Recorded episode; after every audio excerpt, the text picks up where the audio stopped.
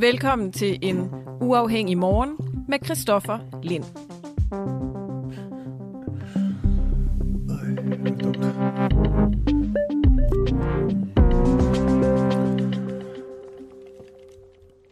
Var danskerne ligeglade, mens 200 borgere var i potentiel livsfare på ALS? Eller måske nærmere betegnet medierne? Altså var medierne ligeglade? Det øh, sådan, jeg ved ikke, om siger man direkte mener det, men Ben Engelbrecht, folketingsmedlem for Socialdemokratiet, han er i hvert fald ude på sine sociale medier og gør opmærksom på, at øh, der har været to bomber fra 2. verdenskrig på alt, som nu er blevet øh, detoneret og har været i direkte fare for, øh, for beboerne der. Men at medierne, i hvert fald de store, brede danske medier, har fuldstændig ignoreret det her.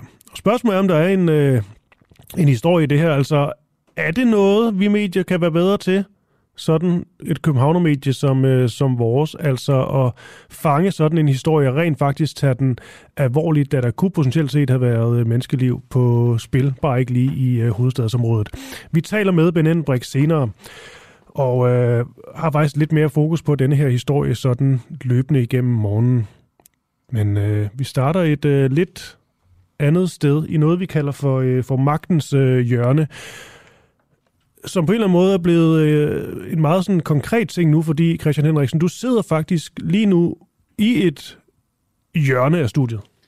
Jamen, det er rigtigt, Christoffer. Tak skal du have. Jeg sidder herovre i, i magtens hjørne, som er placeret godt 2,5 meter væk fra dig i højre hjørne af vores studie. Og det er jo magtens hjørne, som vi kalder det, og det kalder vi det, fordi at det herover de 179 mennesker, der lige nu har magten over landet, befinder sig altså ikke fysisk, men på en ophængt liste. Og vi har så et mål her på den uafhængige om, at vi skal have alle 179 folketingsmedlemmer i tale, og det skal vi meget gerne have så hurtigt som muligt.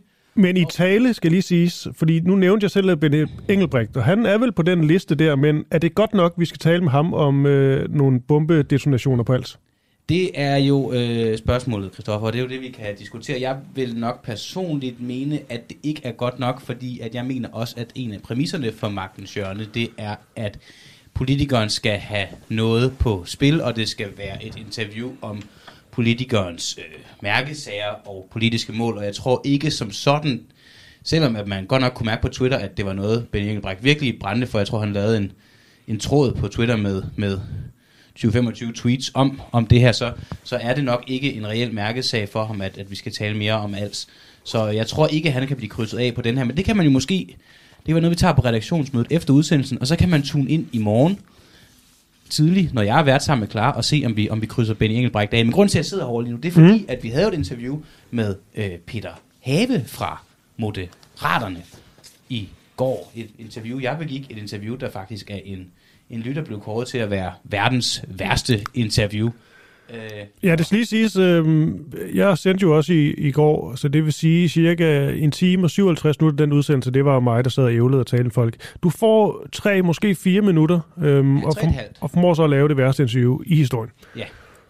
Hvor øh, efter vi så har skrevet lidt frem og tilbage, er han med at sige, okay, så slemt var det heller ikke. Men i hvert fald, jeg tager øh, prisen på mig. Men det var med Peter Have fra Moderaterne, om hvorvidt at øh, de de stadigvæk insisterer på, at Mette Frederiksen hun skal have en advokatundersøgelse for hendes rolle i Mink-sagen. Jeg skal bruge en kuglepind, Christoffer. Kan du kaste her. mig sådan en?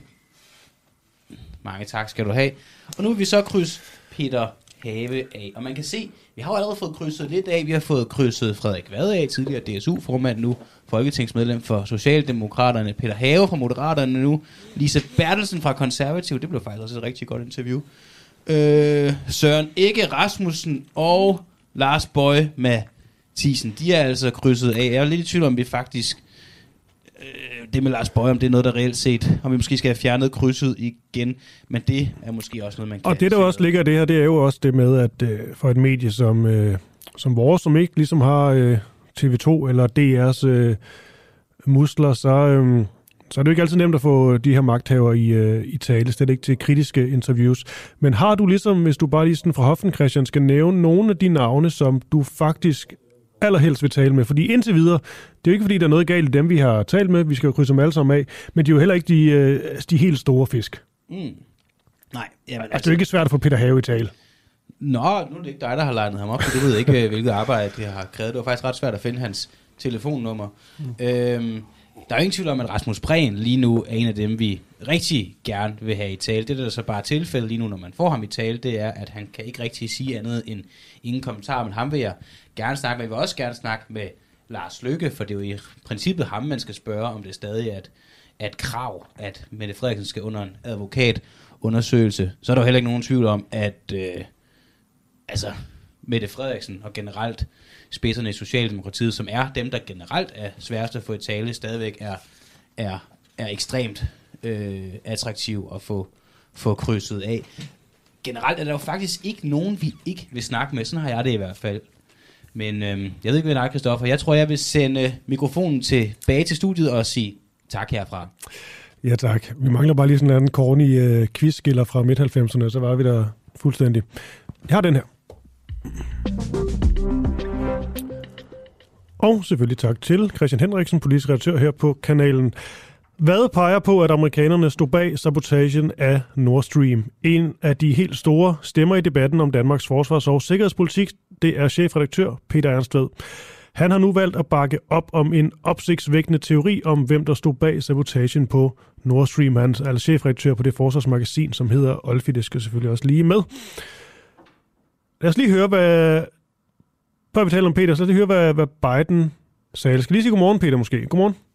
Godmorgen. Ved du hvad, vi kan lige høre det her klip sammen, tænkte jeg lige. Øhm, det her, det er selvfølgelig øh, præsident øh, Biden. Let me answer the first question first. If Germany, if uh, if Russia invades, uh, that means tanks or troops crossing the uh, the, the border of Ukraine uh, again. Then uh, there will be uh, we there will be no longer a Nord Stream two. We we will bring an end to it. What do, what, how will you, how will you do that exactly, since the project and control of the project is within Germany's control? We will, uh, I promise you, we'll be able to do it. Ja, yeah, we will bring an end to it, altså Nord Stream. Peter Ernst, ved, at det her et øh, argument for, at USA de, øh, de står bag? Det er altså et argument for, at man ikke kan udelukke, at USA stod bag. Og det er nok mere den der konsensusholdning, jeg går lidt imod ved at sige, at jeg synes, det er for tidligt at konkludere entydigt, at Rusland stod bag. Og øh, når jeg skriver, som jeg gør, at meget taler for, at USA stod bag, så bunder det jo helt klart i, at USA gennem mange, mange år, det begyndte med Donald Trump, øh, som var meget, meget kritiske over for Angela Merkel, den tyske daværende tyske kansler, og for øh, Tyskland i det hele taget, for hele det Nord Stream-projekt. Og da man begyndte at øh, arbejde med planerne om en Nord Stream 2, altså der går to gasrørledninger, den ene hedder Nord Stream 1, den anden hedder Nord Stream 1, den første blev taget i brug i 2011, og den anden begyndte man opførelsen af i 2020, og den var jo ved at være færdigbygget og manglede nærmest bare en godkendelse fra den nye tyske kansler Scholz, da det her pressemøde i det hvide hus så finder sted den 7. februar. Det er to uger før, at Rusland rykker ind i Ukraine, hvor øh, Joe Biden siger det her, at hvis Rusland rykker ind i Ukraine med kampvogne og krydser grænsen, så er der ikke længere nogen Nord Stream 2, så vil vi gøre en ende på den. Mm.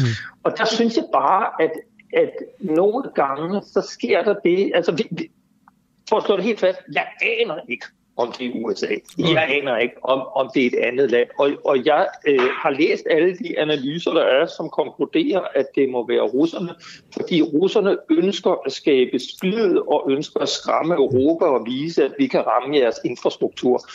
Men er det mere... Er det mere... deler jeg langt, langt hen ad vejen. Okay. Jeg, jeg, jeg, jeg synes bare ikke, at man kan udelukke, at det også kan være USA. Og, og når jeg ser det, så skyldes det jo også, hvis vi ligesom prøver på den anden vej, i stedet for at sige, at det er russerne, hvad kan så dokumentere, at det er russerne, der så står bag? Mm. Hvis vi så kigger den anden vej og siger, kan der være andre løsninger, eller kan der være andre muligheder, hvis man så tager udgangspunkt i det, som amerikanerne siger, og, og, og gør det klart, at amerikanerne kan have en interesse i det, hvad taler så for, at det er amerikanerne? Og der mener jeg bare, at det er værd at fremhæve, at der var en stor øvelse i Østersøen i juni måned, der hed Baltops, hvor amerikanerne havde et øh, såkaldt amfibiehangarskib USS Kearsarge øh, til stede sammen med to landingsfartøjer.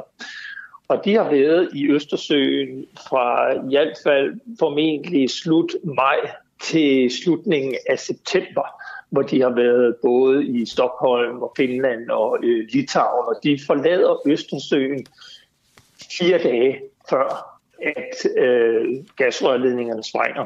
Og, og, og jeg må bare sige, at det må i hvert fald være nogle kapaciteter, man må formode har alt, hvad der skal til til at udføre den operation. Og det synes jeg også er noget af det, man ligesom har set på, hvem har mulighederne for at gøre det. Og, og der må jeg bare sige, at der er amerikanerne i hvert fald en spiller, der vil kunne gøre det. Mm.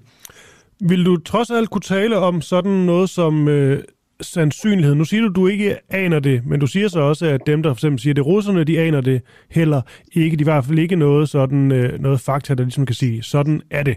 Men hvis man så tager den, om det er amerikanerne, russerne eller en helt øh, tredje part, er der noget, der taler mere for det ene eller det andet? Altså er der en sandsynlighedsting, hvor du tænker, her der tipper den lidt over til den ene? Det, det er der helt klart, og jeg kan sagtens følge analyserne af, at øh, der er jo dem, der siger, at gasrørledningerne var jo allerede sat ud af spil. Altså russerne havde lukket for gassen, tyskerne havde afvist at godkende Nord Stream 2, så projektet var allerede dødt.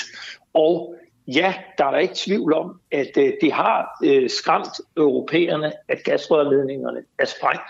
Og derfor kan jeg på ingen måde, og ønsker ikke at afvise, at det kan være russerne. Jeg har også længe hældt til den øh, teori. Når jeg går den anden vej, så er det lidt fordi, at vi lige præcis ikke har noget som helst fakta andet end, at gasrørledningerne er sprunget. Det ved vi. Øh, og når man så ser på, hvem det kan være, der synes jeg, at det er for tidligt at udelukke USA, og jeg synes faktisk, at, at der er noget, der tyder på, når man lægger Joe Bidens ord til grund, at det kan være USA. Men Peter Ernstved, der tænker jeg alligevel en ting i forhold til Joe Bidens ord, fordi nu har jeg, vi havde også en, vi har før haft en med, der, der øh, mente, det var, det var amerikanerne, der stod bag. Det vil jeg dog sige, det var øh, en fyr uden helt samme, måske, hvad hedder sådan noget, evner inden for, for, for det her felt viden derfra. Det var en mere... tilgang. Jamen, lad os kalde det for, det var måske lidt mere konspiratorisk, og det er også fair nok. Okay, ja, de skal også ja. blive hørt nogle gange. Men ja. der var min anke, og det er den altså stadigvæk, at hvis nu Joe Biden og USA rent faktisk øh, gerne vil øh, springe Nord Stream, er det så ikke det mest tåbelige, han kunne gøre, at gå på talerstolen, og så faktisk sige det, det de gerne vil, og så gør de det, og så prøver de at holde det hemmeligt. Altså, man vil vel aldrig nogensinde gå på talerstolen og åbent sige, at det er det, du vil gøre, og så gøre det, og så holde det hemmeligt. Nej, det kan du have fuldstændig ret i, og, og, og jeg vil sige, der er masser af argumenter for og imod, hvor man kan sige, at det ene strider imod det andet. Mm. Og derfor er det også vigtigt for mig at understrege, at jeg siger ikke, det er amerikanerne, der har gjort det. Og det kan være, at øh, det viser sig, at det slet ikke er amerikanerne, det er noget helt andet. Men jeg synes ikke, man kan udelukke det. Fordi hvorfor skulle han ellers gå på talerstolen og sige det, hvis ikke amerikanerne rent faktisk havde mm. planerne. Mm. Mm. Og der er jo også debatten om, jamen hvad vil amerikanerne få ud af det, og hvorfor skulle russerne gå ud og ødelægge deres egen gasledning? Og, og jeg må bare sige, amerikanernes pres på Tyskland og Europa er jo et mangeårigt pres, som ikke kun bunder i frustrationen over, at Tyskland modtager gas fra Rusland, Altså øh, dermed, som Donald Trump sagde på NATO-topmødet i 2018, hvor han spiste frokost med, eller morgenmad med, med generalsekretær øh, Jens Stoltenberg i NATO øh, i Bruxelles, hvor han sidder og siger, for åbne kameraer, at øh, Tyskland er jo dobbeltmoralsk. Altså, I ønsker vores beskyttelse, amerikanernes beskyttelse gennem NATO, og samtidig så køber I gas hos Rusland for milliarder og milliarder af amerikanske dollars. Og, og det er ikke rimeligt, det er unfair. Og, og jeg tror bare, altså jeg er ikke så kategorisk ved at, ved at afvise, at amerikanerne kunne finde på at gøre en ende på den gasledning, for at sikre sig, at det i hvert fald bliver meget svært at tage den mm. brug igen, og dermed gerne løber den risiko, det er. Og jeg kan også sagtens følge argumenterne med dem, der siger, at det er jo en kæmpe risiko at lave, og det er en meget stor grænse at overskride at gå ind og ødelægge europæisk øh, økonomi og infrastruktur ved at ødelægge en gasning. Mm. Ja, Det er korrekt. Vi må bare ikke glemme, at det har amerikanerne ville hele tiden. Hvis de kunne bestemme, så havde der aldrig været nogen Nord Stream, hverken et eller to. Og, og det, at, øh, at, at de ødelægger den nu, man kan sige, det er jo nemmere og mindre alvorligt at ødelægge en gasrørledning, der ikke er i brug, end at ødelægge en gasrørledning, der er i brug. Og ved at ødelægge en gasrørledning, der ikke er i brug, der sikrer amerikanerne, at det altså bliver meget svært for tyskerne igen at købe øh, russisk gas, og de sikrer sig også, at det bliver svært for russerne at få en indtægt fra tyskerne ved at sælge russisk gas. Ja. Jeg vil gerne lige holde fast i det, hvad du siger med, at det, øh, det kunne de godt uh, potentielt set finde på, amerikanerne. Og det er i forhold til uh, Anders Pugge Nielsen fra Forsvarsakademiet. Han var lige inde og kommentere på din, uh, din artikel og analyse. Han skriver, hmm, jeg ved sgu ikke rigtig, hvad jeg skal sige. Synes, du rammer helt forkert. Og netop går gerningsmandens ærne ved at puste til den her fortælling om, at amerikanerne laver væbnet angreb mod den europæiske økonomi. Puster du lidt? Det synes jeg jo ikke. Og, og, og altså, lad mig først slå fast, at jeg har meget stor respekt for Anders Pug Nielsen. Jeg bruger ham jo selv tit og ofte, mm. og mener, at han er en øh, ualmindelig skarp og dygtig både analytiker og særlig ja, analytiker af det, der foregår Kom, i Rusland.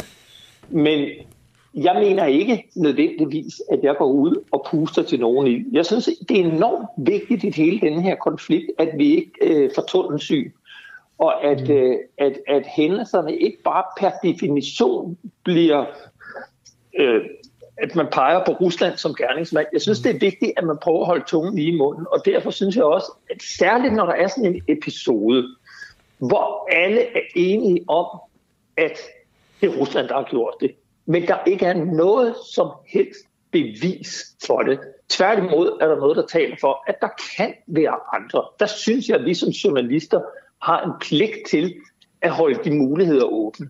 Og jeg er jo meget bevidst om, det var jeg da også inden jeg skrev, at det her, det vil jeg formentlig få rigtig meget røg for.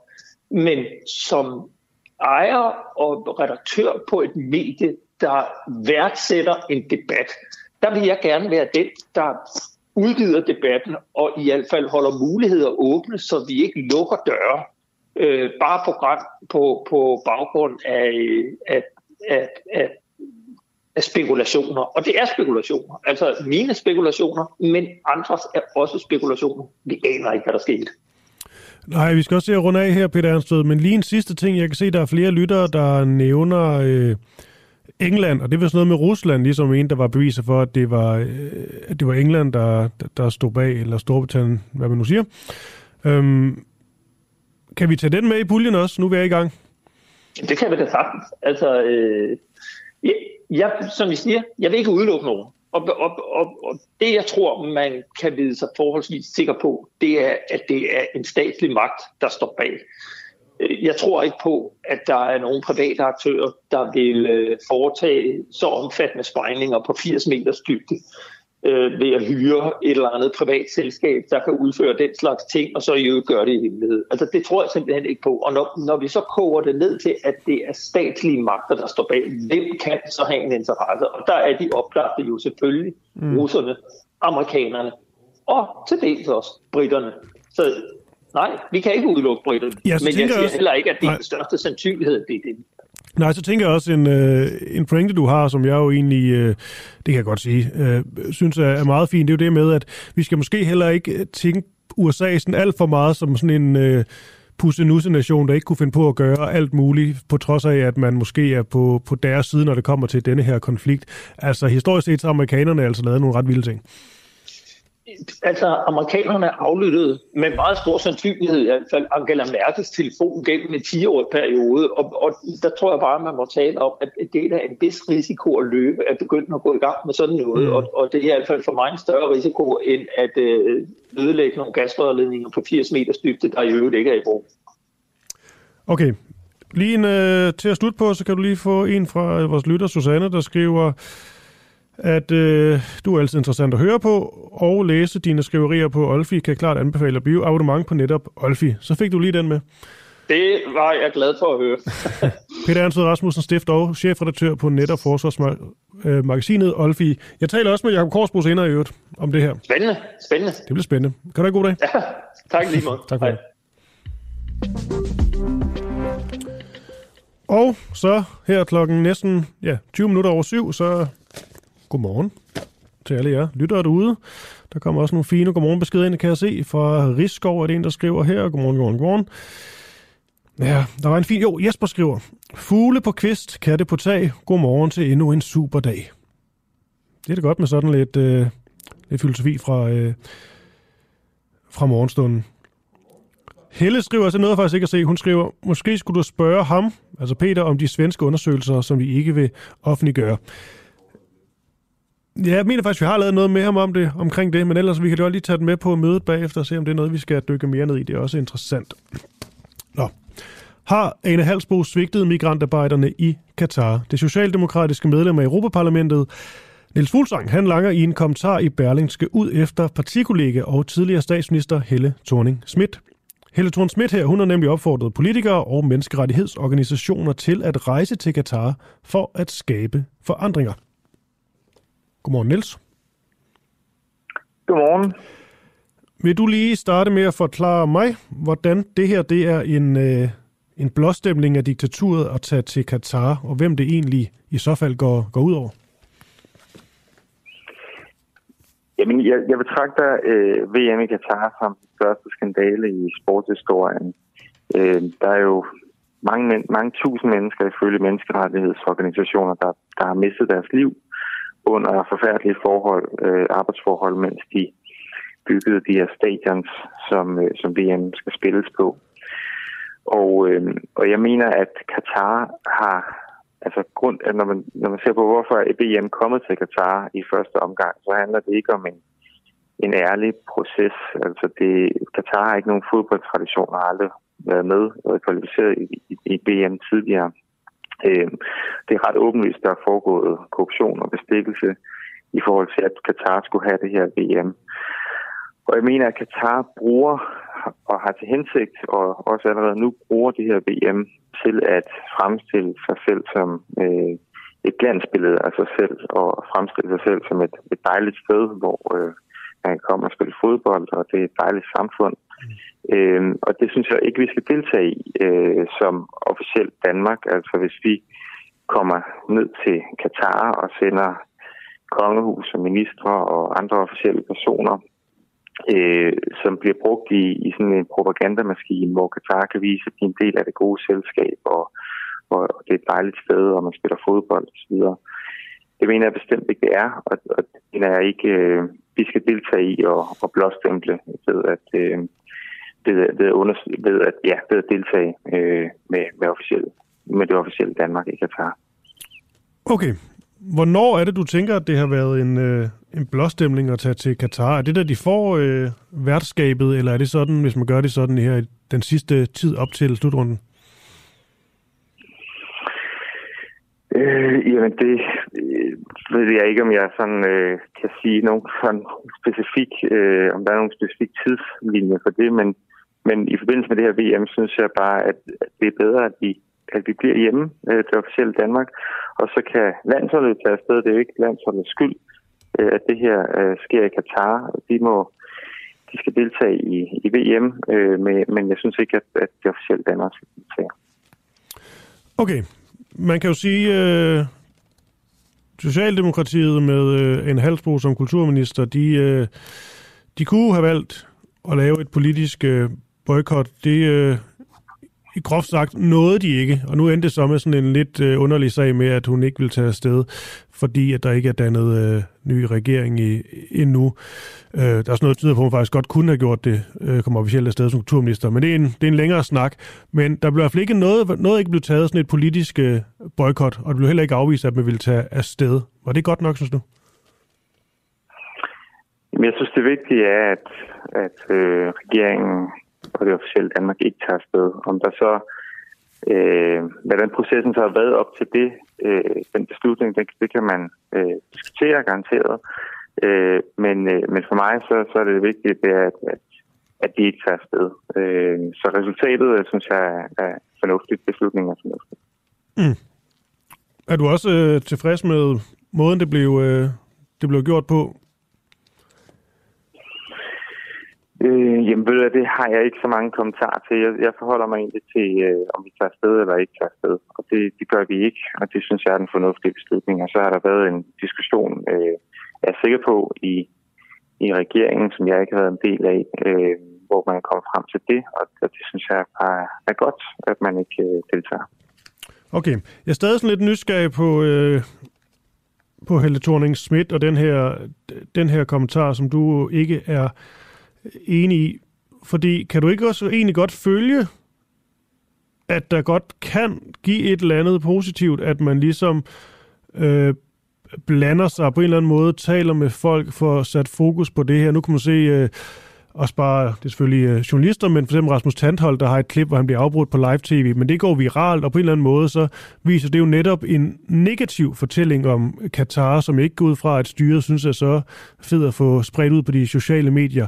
Og på den måde kan der jo faktisk ske lidt forandring, eller på en eller anden måde, man får belyst netop det negative ved Katar, frem for at lukke øjnene for det. Jo, men øh, det tror jeg, altså man kan sige, Katar vil gerne bruge det her som sådan en PR-strategi og, og fremstille Katar et positivt lys.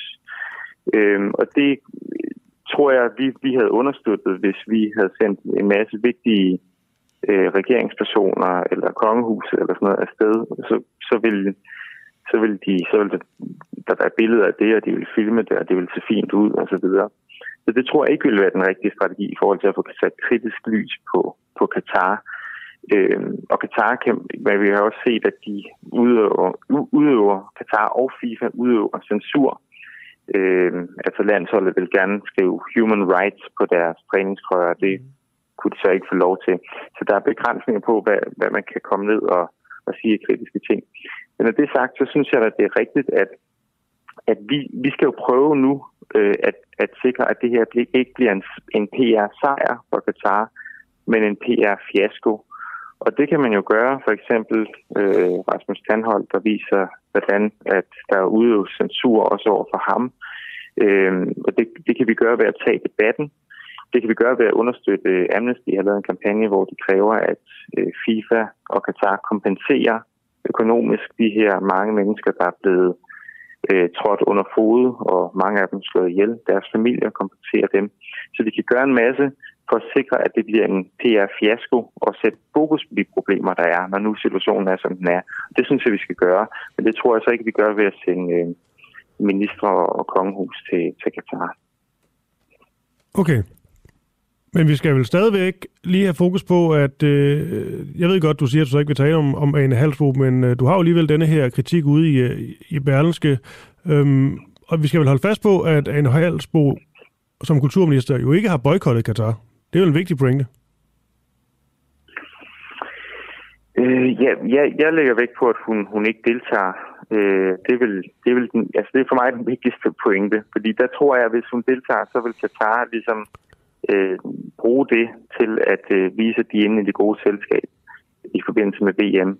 Øhm, og, og hvad diskussionen så har været op til, øh, det, det ved jeg ikke. Den har ikke været en del af, men, men øh, i, internt i regeringen. Men, men altså, hendes, argument, synes, er godt. Ja, hendes argument har jo været, for ikke at tage afsted, at hun ikke mener, hun kan tage afsted som øh, konstitueret kulturminister. Hun, hendes manglende stedværelse er ikke, nogen, er ikke begrundet med, at hun ligesom tager afstand til til landet eller til Katar. Hun siger, at de vil lægge, lægge pres på ved netop ikke at vælge det her politiske boykotte øh, tidligere. Men jeg synes da bare, det er en vigtig pointe at have med, at den her aflysning, groft sagt, jo på en eller anden måde befinder sted, fordi hun ikke er konstitueret kulturminister. Og derfor tager hun ikke afsted. Det er jo ikke sådan et boykot. Øh, nej, det, øh, det er måske ikke en boykot, men, men altså, jeg, jeg synes... Nej, det er ikke et måske, det er det jo ikke. Sagt, fair nok, øh, men, men, øh, men resultatet er, at hun ikke tager afsted, og, øh, og det er det, jeg lægger vægt på, fordi det er jo det, Katar vil kunne bruge. Så hvordan, altså, hvad kan man sige, diskussionen op til, den hvad, er for mig okay, hvad så, hvis hun lidt havde... mindre vigtigt. Resultatet okay. er mere vigtigt. Okay, hvad hvis hun har brækket et, et ben og ikke kunne tage afsted? Havde det været det samme? jeg, jeg vil sådan set bare gerne have, at hun ikke tager afsted, og det gør hun ikke. Det, hvad, hvad, hvad diskussionen så er op til, det, okay. det synes jeg er mindre vigtigt. Nej, nej. Det er jo fair nok. Så du er glad for, at hun ikke er taget, øh, taget afsted, og øh, at der ikke ligesom er en, nogle danske politikere, der tager til, øh, til, til Katar. Det er ligesom det vigtigste for dig, så vidt jeg kan høre det. Jamen, det er det helt sikkert. Altså, jeg mener, jeg synes, det er så enestående groft, det der foregår i, i Katar i forbindelse med det her VM. Og jeg synes, det er en skamplet, øh, at, øh, at FIFA har valgt Jamen, det er vi helt, altså, det, det er helt med på, og det tror jeg egentlig også, vi, er enige øh, om hen langt den ad vejen. Det er mere overraskende bare lidt, at det ikke er mere vigtigt for dig, at der rent faktisk var lavet det her politiske boykot, at man, man har meldt klart ud. Men, øhm, jo, men, men altså, du kan jo ikke få alt, hvad du har i verden. Jeg, jeg, det er rigtigt. Det, det vigtigste er resultatet, og så, så kan der være forskellige forklaringer på, øh, at man ikke tager sted. Men, men, øh, men når resultatet er, som det er, så, så synes jeg, det er godt. Okay. Skal du egentlig selv se, uh, se fodbold? Øhm, og jeg selv skal se fodbold. Jeg tror, jeg kommer til at se nogle af kampene, ja. Øh, mm. Men det er ikke noget, jeg sådan kommer til at lægge op på Facebook eller vise, hvordan Katar har, har gjort det godt, som jeg arrangerer kampen eller sådan noget. Men det, for mig så er det, det er jo ikke, og det er også vigtigt at understrege, det tror jeg, jeg skriver i, mm. i Berlingske. Jeg, jeg, jeg er ikke modstander af, at, øh, at landsholdet deltager, og jeg er ikke modstander af, at man ser kampen. Jeg støtter op om landsholdet. Men, øh, men de skal bare sørge for, at det ikke det er noget, Katar kan bruge i, i, i sin propagandamaskine, som er hæftigt i gang i øjeblikket. Okay. Ja, og det er jo også en større og længere snak det med, om hvorvidt man så øh, hjælper med at boykotte ved ikke at se kampene osv. Den behøver vi ikke kastes ud i nu, Niels Fuglsang. Jeg skal også se, uh, se nogle af kampene. Du er medlem af Europaparlamentet for Socialdemokratiet, og øh, jeg tror bare, det var det. God dag til dig. Ja, jamen tak skal du have i lige måde. Tak, tak. Hej. Med det, så blev klokken 7.30. Vi fortsætter lige lidt i øh, Katar-sporet øh, endnu. Det er dog ikke det, der bliver hele, hele programmet, skal lige siges. Vi er også senere, det er klokken 8. Marie Krab med. Hun mener måske, at Mette Frederiksen, Jeppe Kofod, øh, P. Dyr, tror jeg også det var, ligesom burde have holdt deres mund, når det kom til det her missilnedslag i Polen. Altså det her med, at man meget hurtigt er ude og tage afstand fra det, og også måske lidt insinuere, at det her det kunne være russerne, der ramte øh, Polen. Det, øh, det synes Marie Krab ikke er nogen særlig god idé. Altså politikere måske nogle gange være, skulle være gode til lige at trække, trække luft ind og vente lidt med at, øh, at skrive noget ud på øh, de sociale medier. Efter Marie Krab, så er det Ben Engelbrechts øh, tur, og det er i forhold til en historie fra Als. Det er to bomber fra 2. verdenskrig, der er blevet detoneret, men som potentielt set kunne have været øh, rigtig farlige for, øh, for beboerne i nærområdet. Fokus på den historie, vi har om Ben Engelbrecht, vi taler også senere med øh, borgmesteren fra, øh, fra kommunen, men fokus på den her historie, det er faktisk, at Ben Engelbrecht, han mener, det er jo, øh, han er folketingsmedlem for Socialdemokratiet, han mener, at der simpelthen har været lidt for lidt fokus på den. Altså de danske, store, landsdækkende medier, de har bare været ligeglade. Lukket øjnene. Og det er måske fordi det er alts. Det kan også være det bananbrik, der ser, øh, der ser spøgelser. Det finder ud af senere. Men som sagt, lige lidt mere om, øh, om Katar her. Nu stiller jeg spørgsmålet. Har Katar brug for homorettigheder? Homoseksuelle de giver nemlig udtryk for, at de ikke tør at tage til VM i Katar, som begynder på søndag. Og til at tale om det her, så vil jeg nu tale med Esben Vejergang Larsen. Han er master i kommunikation, så er han også homoseksuel og national konservativ. Ja, godmorgen Esben. Godmorgen. Vil du egentlig sådan selv, hvis jeg nu øh, gav dig en billet i dag, og så kunne du tage til øh, Katar, vil du så turde tage dig ned og se noget, øh, se noget bold og være der i en måneds tid? Nej, det tror jeg måske ikke, jeg vil. Jeg vil nok heller have fantastisk meget lyst, men, men, men, øh, men det, som måske adskiller mig fra andre homoseksuelle, det er, at jeg forventer heller ikke, at jeg skal kunne rejse til alle dele af verden øh, og blive accepteret og hyldet for at være homoseksuel. Okay. Jeg har lige sådan en... Øh, lidt fra en Twitter-tråd, så nu, øh, mm-hmm. jeg nu øh, lader andre blive en del af her. Det er øh, Rasmus Vestergaard Madsen fra Enhedslisten, der øh, skrev følgende. Jeg får kvalme af den danske hygge, når folk insisterer på, at fodboldpolitik intet har med hinanden at gøre. For det har det, når min kæreste og jeg ikke kan tage til Katar, og når migrantarbejderne er døde af varme. Det er sgu ikke hyggeligt. Det er et politisk problem. Kæmpe politisk problem, der. Du svarede så på det her. Katar skylder ingen at være homovenlige. Vesten ejer ikke resten af verden. Det er tilladt at have andre værdier end vores. Gider du at uddybe det, øh, det svar? Ja, og jeg vil lige starte med at forlænge, fordi jeg har fået et pragtfuldt svar Nå, det fra, endnu en, fra endnu en af de korrekte homoer, der har de rigtige holdninger, som siger, nej, for vi snakker universelle værdier. Gå nu ned i din mors kælder igen. øhm, øh, nej, men noget af det, jeg anholder, er jo netop lige præcis det her med, at der findes faktisk ikke universelle værdier. Hvis man kigger på en på, hvad hedder det, på World Values Survey, som er sådan en global undersøgelse af, hvilke værdier, der er stærkest hvor, så kan man netop se, at det er meget forskelligt øh, hvad folk synes er vigtigt forskellige steder i verden. Og når man kigger på dem, der er allermest sekulære og allermest øh, hedder sådan noget, selvrealiseringsorienterede, så er det netop også i, i Nordvesteuropa og især i Skandinavien. Hvis man kigger globalt på det som sådan et spektrum, så ligger vi ekstremt i Danmark. Og det er jeg sådan set glad for. Jeg er meget taknemmelig for den accept, der er homoseksualitet i Danmark osv. Men Katar ligger faktisk for eksempel nær, næsten helt nede i den anden ende, ikke? fordi de er meget mere traditionelle, meget mere religiøse og meget mere overlevelsesorienterede, hvor vi er meget selvrealiseringsorienterede i, i, i Nordvesteuropa og i USA. Øh, og, og det, der undrer mig, er bare, at man kan være overrasket over, at der kan være andre værdier i andre lande. Altså, og, og især er jeg overrasket over, at man tror, man kan sidde som øh, enhedsliste folketingskandidat, som er det er jo allerede ekstremt i Danmark. Sorry, enhedslisten, men det er ekstremt.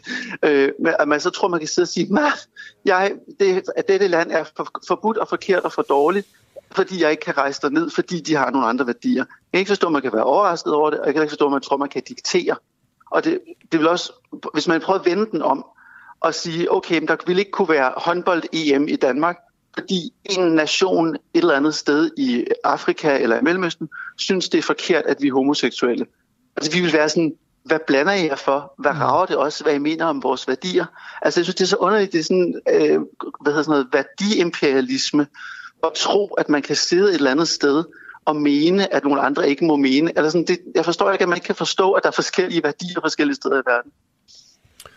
Nej, jeg, tror, det der ligesom måske overraskede os, og sikkert også andre, der læste det her svar, det er jo det med, at du øh, øh, selv er, er, er homoseksuel.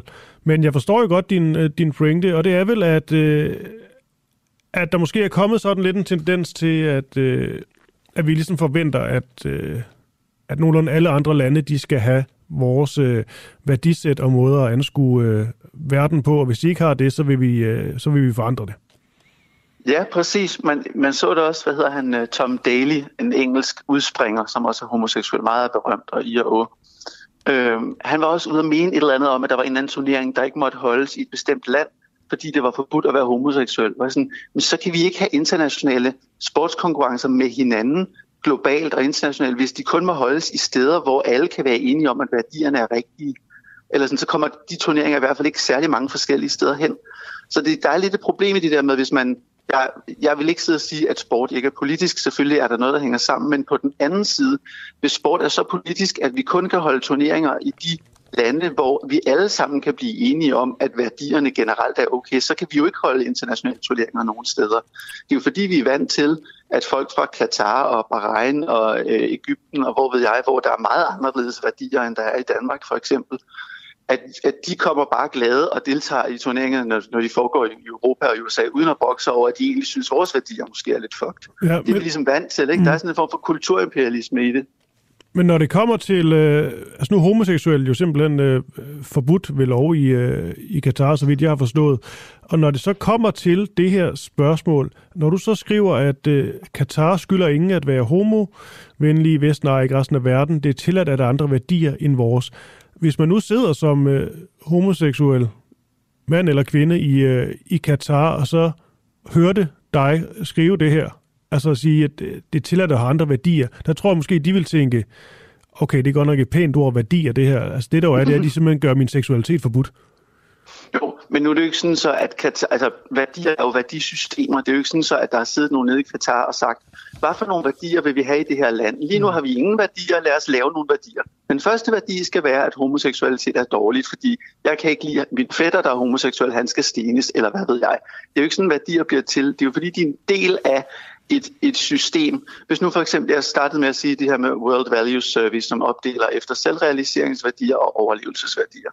Man kan jo godt, hvis man lige træder ud af sin egen homoseksualitet i to sekunder, kan man jo godt forestille sig, at i en ørken, hvor det har været svært at overleve, og man har måske været i kamp mod andre stammer, I don't know, way back when, hvor livet var hårdt, øhm, så har man tænkt, okay, det er sgu ikke smart, hvis vi er homoseksuelle, fordi så laver vi færre børn, eller sådan noget. Altså, der er nogle overlevelsesvilkår, som vi måske har glemt lidt i Vesten, fordi du ved, vi behøver ikke at kæmpe for vores mad og alt kører. Vi kan fokusere på selvrealisering og på, om er vi nu en mand, eller er vi nu en mand plus, eller er vi genderqueer, er vi et eller andet. Men der er andre steder i verden, hvor man stadigvæk har nogle levevilkår, der gør, at det giver mening at fokusere mere overlevelsesbaseret. Og jeg tror, der er meget seksualmoral, der kommer derfra. Øhm, så, så jeg kan godt forstå, at det er rigtig nederen at være homo i Katar. Det tror jeg absolut også, det er. Men, men ja, det det, jeg lige sagde. Mm. Og så er det... Nå, ja, mm. Nej, nej, det, er jo, det lyder til, at du skulle til at uddybe, men... Øh... Ja, men du ved, så stoppede min hjerne, så det var trist. nej, det er også fordi, du, du lavede et mænd, efter du faktisk havde sagt alt det, du ville sige. Og det var helt, det var helt fint, Esben. Ja. Øh, min hjerne kan godt være sådan en gang imellem. ja. Jeg tror også, vi er, ved, vi, vi er ved at være der, men jeg vil bare lige Jo, stille... jo, nu ved jeg det. Yes, Så I'm kom, back. okay, sidste kommentar. Øh, yes. Ja, og det er fordi, nu, jeg, der, det bliver også sagt, at jeg er nationalkonservativ, og noget af det, der gør, at jeg synes, at jeg kalder mig selv nationalkonservativ, er også fordi, jeg synes, at nationer har lov til netop at have de værdier, de har. Altså, jeg synes, der er et eller andet lidt for rich i, at vi, det kan godt være, at der sidder en homoseksuel Katar, har det helvede. Der sidder sikkert også en, øh, hvad ved jeg, en kapitalist i Nordkorea, har det helvede til. Problemet er bare lidt, vi kan ikke, igen, vi kan ikke sådan øh, kulturimperialisere ud i alle nationer.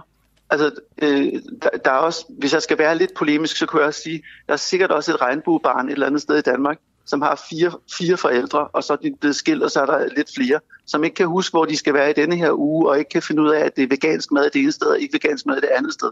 Altså, alle værdier har konsekvenser. Ikke, ikke, ikke, ikke alle, der er lykkelige hele tiden, og det er ikke fordi, jeg sidder og siger, at det, vi skal bare øh, skide på, øh, at der er homoseksuelle, der har det dårligt, men på en eller anden måde er der grænser for, hvor meget vi kan blande os i, hvordan folk skal have, og skal have det og leve i andre lande. Også selvom det har nederen konsekvenser. Der er jo masser af lande, måske næsten de fleste lande i verden, hvor vi som danskere vil sidde og sige, okay, kvinder og børn og dyr og homoseksuelle og transseksuelle og alt muligt, de har det for dårligt i forhold til, hvordan de burde have det, sammenlignet med, hvordan vi ville have det skulle være. Men vi bestemmer bare ikke over de lande, og derfor er vi nødt til at, altså, i et eller andet omfang at passe vores egen biks. Ja, så er nogen, som mener, at det vi har brug for, det er øh, på en eller anden måde øh, skabe nogle forandringer og vise, hvordan vi gør det på. Men så bliver det selvfølgelig også sådan en, vi gør det rigtigt tankegang. Men Esben, vi, vi når desværre ikke mere. Det var en spændende snak. Mm. Esben Weiergang Larsen, øh, Master i Kommunikation. Så er du også homoseksuel. Det er jo ikke, fordi det normalt er vigtigt at sige, at du er homoseksuel, men lige i den her sammenhæng, der er for lige nævnt, ikke? Jo, Og, det øh, giver ekstra mening. og national konservativ, kalder du dig selv. Og jeg tror egentlig bare, det Ja. var det. God dag. ja, god dag. Hej. Hej. Hjælper det migrantarbejdende at slukke for tv'et til VM? Det er et spørgsmål, vi har stillet løbende i, øh, igennem et stykke tid, i hvert fald denne her uge. Og det skal lige siges, efter det her, så har, tager vi en lille Katar-pause i øh, dagens øh, program, skal det handle om alt muligt andet. Det er fordi en række ungdomspartier, de opfordrer danske tv-seere til at slukke for tv'et i minut 65 under Danmarks kampe til VM i fodbold, der altså finder sted i Katar, hvad de fleste nok har fundet ud af. Nu er det Maria, Maria Ladegaard, der er landsformand for Venstres øh, Ungdom, vi skal tale med. Vi vil egentlig bare gerne høre om, øh, at det her mere end øh, et symbolsk. Eller skal det være mere end symbolsk? Det er jo også et, øh, et spørgsmål. Det kan jo være, at den symbolske handling i sig selv er det, der er tanken bag kampagnen. Den lyder blandt andet sådan her. Når fodbold-VM i Katar fløjtes i gang 20. november 2022, vil Katars forberedelser, ifølge flere kilder, have kostet 6.500 menneskeliv. Dog siger flere, at mørketallet er markant højere. Vi opfordrer til, at man slukker for tv'et i kampenes 65. 20. minut og et minut frem i solidaritet med netop de 6.500 migrantarbejdere, der har mistet livet. Så langt, så godt. Maria Ladegaard, godmorgen. Godmorgen. Landsformand for Venstres Ungdom. Først og fremmest, hvad er det, Venstres Ungdom de, øh, de får ud af at være en, øh, en del af det her, øh, det her projekt, hvad man nu skal kalde det?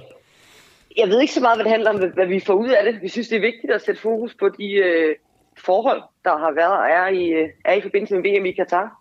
Øhm, og derfor så har vi sagt, øh, så ja til at være, være med sammen med de andre. Okay. Der sidder jo helt sikkert nogen øh, derude og tænker, det med at slukke tv'et i sådan minuts tid, nogle gange i løbet af sådan en måned, det er nok ikke øh, noget, der rykker det store. Det er rent øh, symbolsk, øh, det her. Er der mere i det end det, synes du, end det symbolske? Øh, altså, det er jo klart en symbolsk øh, aktion. Vi bilder os jo ikke ind, at, øh, at 6-8 ungdomsorganisationer fra Danmark øh, kan ændre verden ved at slukke tv'et. Det vil nok være at tage munden lidt for fuld. Mm. Øhm, men man ændrer også verden gennem oplysninger ved at gøre folk opmærksom på øh, forhold ude i verden. Og det er jo det, der er, øh, der er håbet med, øh, med det her. Det er at sende et, øh, sende signal. Altså, vi har jo fornøjelsen af at tale med dig nu. Mm. Øh, så er det jo mere end bare at, at, at slukke tv'et. Øh, og så er det jo også noget, der har sit eget liv på Facebook. Altså, det handler også om for os om at sprede opmærksomhed om, om forholdene. Jeg skal ikke selv se fodbold-VM, fordi jeg kun kan læse. Øhm, men det er der mange, der skal. Mm. Øh, og derfor synes jeg, hvis man så vælger som forbruger at se, se, se fodbold-VM, øh, det kan man så være enig eller uenig i, så synes jeg, det, det er en, en fin måde at, øh, og, og, og, og sende en kærlig tanke, ja. er måske det forkerte ord. Men, men til de øh, 6500 mennesker, der har skulle lade livet, for at vi kan holde øh, fodbold-VM i en ørkenstat. Okay, de her 6500 mennesker, du taler om, der har skulle lade livet, er de alle sammen døde på grund af, at der skal afholdes VM i Katar? Nu spørger du også om, det, at, at det er mig, der har øh, vurderet, hvor mange der er døde. Hvis der er nogen af dem, der er døde af andre årsager, så, skal det, så, så, så gør det, synes jeg ikke, det gør det, gør det mindre forfærdeligt. Nej, jeg spørger det bare, fordi at, at man har jo valgt minut 65, øh, og det er jo ligesom det, du også nævner, det tal, der går igen. Så går også ud fra, at I ligesom har undersøgt, hvad det her tal, 6.500 døde migrantarbejdere, det er præcis dækker over. Nej, jeg har ikke undersøgt, om alle 6500 er specifikt døde på et øh, underbygning af et stadion. Mm. Øhm, men, men, men, men når vurderingen hedder, at der er cirka 6500 øh, migrantarbejdere, der er døde i forbindelse med VM i Katar, så må vi tage det for gode varer. Men sige, mørketallet er hvem er det, der har, hvem, er det, ja, hvem er det, der har... Jeg siger helt med på, at der sagtens skal være et mørketal, der gør det endnu højere. Men hvem er det, der, hvem er det, der har lavet den her vurdering af de 6500, du øh, refererer til? Nej, det kan jeg sgu ikke huske på, på stående fod. Skal jeg være ærlig at sige her klokken kvart i om morgenen. Nå. Men burde du ikke vide det? Egentlig? Og, jo, jeg, jeg, ved, jeg ved ikke, om det er noget af det, om noget af det, noget af det vigtigste, jeg synes, jeg skal vide øh, hvem det specifikt er, der har lavet en vurdering af det 6500 migrantarbejdere. Jeg, jeg, er ikke, jeg er ikke sikker på, at jeg synes, skandalen er hverken øh, større eller mindre, hvis det nu øh, kun var 5.000. Nej, men det er jo trods alt menneskeliv, vi taler om. Og når du siger 6.500, så er det vel meget godt at vide om, hvorvidt de her menneskeliv, de er tabt på grund af VM, eller af nogle muligvis helt andre grunde. Jo, men hvis, hvis man har vurderet, at der har været 6500 mennesker, der har været tilknyttet bygning af, bygning af stadions i Katar i forbindelse med fodbold-VM. Ja, men det er bare ikke det, der står i den Guardian-artikel, som I uh, refererer til. Det handler om at læse artiklen, tænker jeg. Og der står jo, at der er 6.500 migrantarbejdere, der døde en periode fra 2011 til 2020, rigtig nok. Men der står intet om, at det er direkte i forbindelse med byggelse af VM. Det kan sagtens være, det er helt sikkert, der er mange dødsfald, der, refererer til det, men det kan også være alt muligt andet. FN's internationale arbejdsorganisation, ILO, de øh, fastslår, at øh, Guardian de havde medregnet samtlige dødsfald blandt gæstearbejdere i Katar i en 10-årig periode. Både arbejdsrelaterede dødsfald, som intet havde med landets VM-forberedelser at gøre, og også dødsfald, som slet ikke var arbejdsrelateret. Og derfor så er det her tal 6.500 jo ret så fluffy. Ja, så skal jeg bare lige forstå kritikken af det, fordi det er et forkert minutpunkt i, i, i fodboldkampen. Du siger, og, og har sagt flere gange nu, at 6.500 mennesker er døde, fordi du læst, det har I læst, og det har I tal på, grundet VM. Altså det er direkte øh, hvad hedder det, konsekvens af VM i, øh, i fodbold. Det er der bare ikke noget, der tyder på. Du ved det i hvert fald ikke. Øh, øh, nej, vi, så kan vi godt, godt sige, at jeg ikke ved det, fordi det er lavet over en 10-årig periode, og vi ikke nødvendigvis skal vurdere, at de alle sammen er tilknyttet øh, VM i Katar. Jeg synes sådan set ikke, det gør kritikken øh, øh, forkert eller uberettiget. Jeg siger heller ikke. Øh, kritikken er det helt, øh, helt berettiget af det her, det her event, og at det er en tragedie, at det, migrantarbejde har det så dårligt. Men det er vel trods alt vigtigt at vide, hvor mange døde eksempelvis øh, i de 10 år, der gik øh, forud. Altså meget af det her direkte noget med VM at gøre, når du vælger at slå op på 6.500, og du siger, at det er direkte relateret til, at man har bygget de her stadions. Vi aner bare ikke, om det er 6.500 døde af at bygge de her stadions, eller om det eksempelvis er at bygge nogle højhus et helt andet sted. Nej, men det har jeg... Jeg har lidt svært ved at se, hvorfor, hvorfor det skulle være, øh, være, være mindre, end, mindre end tragedie. Det handler også om, hvordan at Katar behandler øh, gæstearbejdere. Vi kunne sådan set også have rettet en kritik af den måde, de behandler LGBT-personer på. Mm. Altså for, for, for mig at sige, jeg, jeg, jeg forstår godt, du kan sætte spørgsmålstegn ved, om det er øh, specifikt 6500, det er lidt flere, eller det er lidt færre, om det er højhus, eller det er stadions. Øh, jeg synes ikke, det gør, gør kritikken øh, mindre berettiget, og det er jo det, at du også lige holder øh, øjen, på, øjen på bolden. Jo, jo, men, øh, men jeg tænker også, at grund til, at jeg sådan, øh, slår lidt ned på det her 6.500 og de her formuleringer, øh, nu har jeg også talt med andre øh, ungdomsformænd, at det virker til, at der ligesom er en konsensus om, at det er 6.500, der er døde på grund af, at de har bygget stadion til VM. Det passer bare ikke. Og, jeg, og grund til at lige fokuserer på det tal, det er jo bare, når man vælger 65, og det er ligesom den symbolske handling, det er det, kampagnen går på, så er det vel også lidt vigtigt, at man har styr på, hvad de her 6.500 rent faktisk dækker over. Det var bare min pointe. Ja, jeg, jeg synes ikke, det gør handlingen mere eller mindre symbolsk, øh, ej heller mere eller mindre vigtig. Okay, men det er jo helt fair. Det skal du da helt have lov til. Og du sagde så, du sagde, du ikke skulle, du skulle ikke stille til VM? Nej. Men det er sådan bare, fordi du er ligeglad med fodbold? Øh, ja, ja, det gør det jo. Det, det, det, det er jo sådan set belejligt i, i en situation, hvor jeg kan forstå på mange, at det er svært at finde ud af, at man, man vil sige VM eller ikke sige VM. Øh, men jeg skal ikke sige det selv, nej. Ja. Jamen, det er sjovt, når jeg talte med, med, med flere i går, der gik det også op for mig, da jeg sådan ringede, eller spurgte bare tilfældige kilder, om de skulle se VM i fodbold eller ej, at, øh, at der var selvfølgelig flere. Det er fordi, jeg selv går op i fodbold.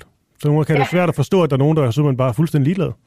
Og det er jo færdigt. Jeg tror, der er, der er lidt overlap øh, mellem sådan nogle øh, ungdomspolitikertyper, og så folk, der ikke er gode, så gode til at spille fodbold selv. Så tror jeg, det er lidt mindre interessant. Men det er bare min egen hypotese. Okay, men altså, ja, igen øh, til, til sidst, altså min pointe er jo bare, at, du slår, at når man ligesom slår sig op på, at de er døde under bygningen af, af VM, de her 6.500, så, så synes jeg trods alt, det er relevant at, at vide, om det er det, der direkte er linket til det. Det lyder så til, at du ikke helt synes, det er så relevant, som jeg gør, men det er jo også, det er jo måske bare fair nok, at vi ikke er helt enige i det. Ja, ja. Ja. Jeg tror, det var det, Maria Ladegaard, og du skal så ikke slukke i minut 65, fordi du har simpelthen bare slukket i samtlige 90 minutter. Eller, eller var med til. Ja, præcis. Okay. Tak for det, landsformand for Venstres Ungdom. God dag. Det var lidt. Lige måde.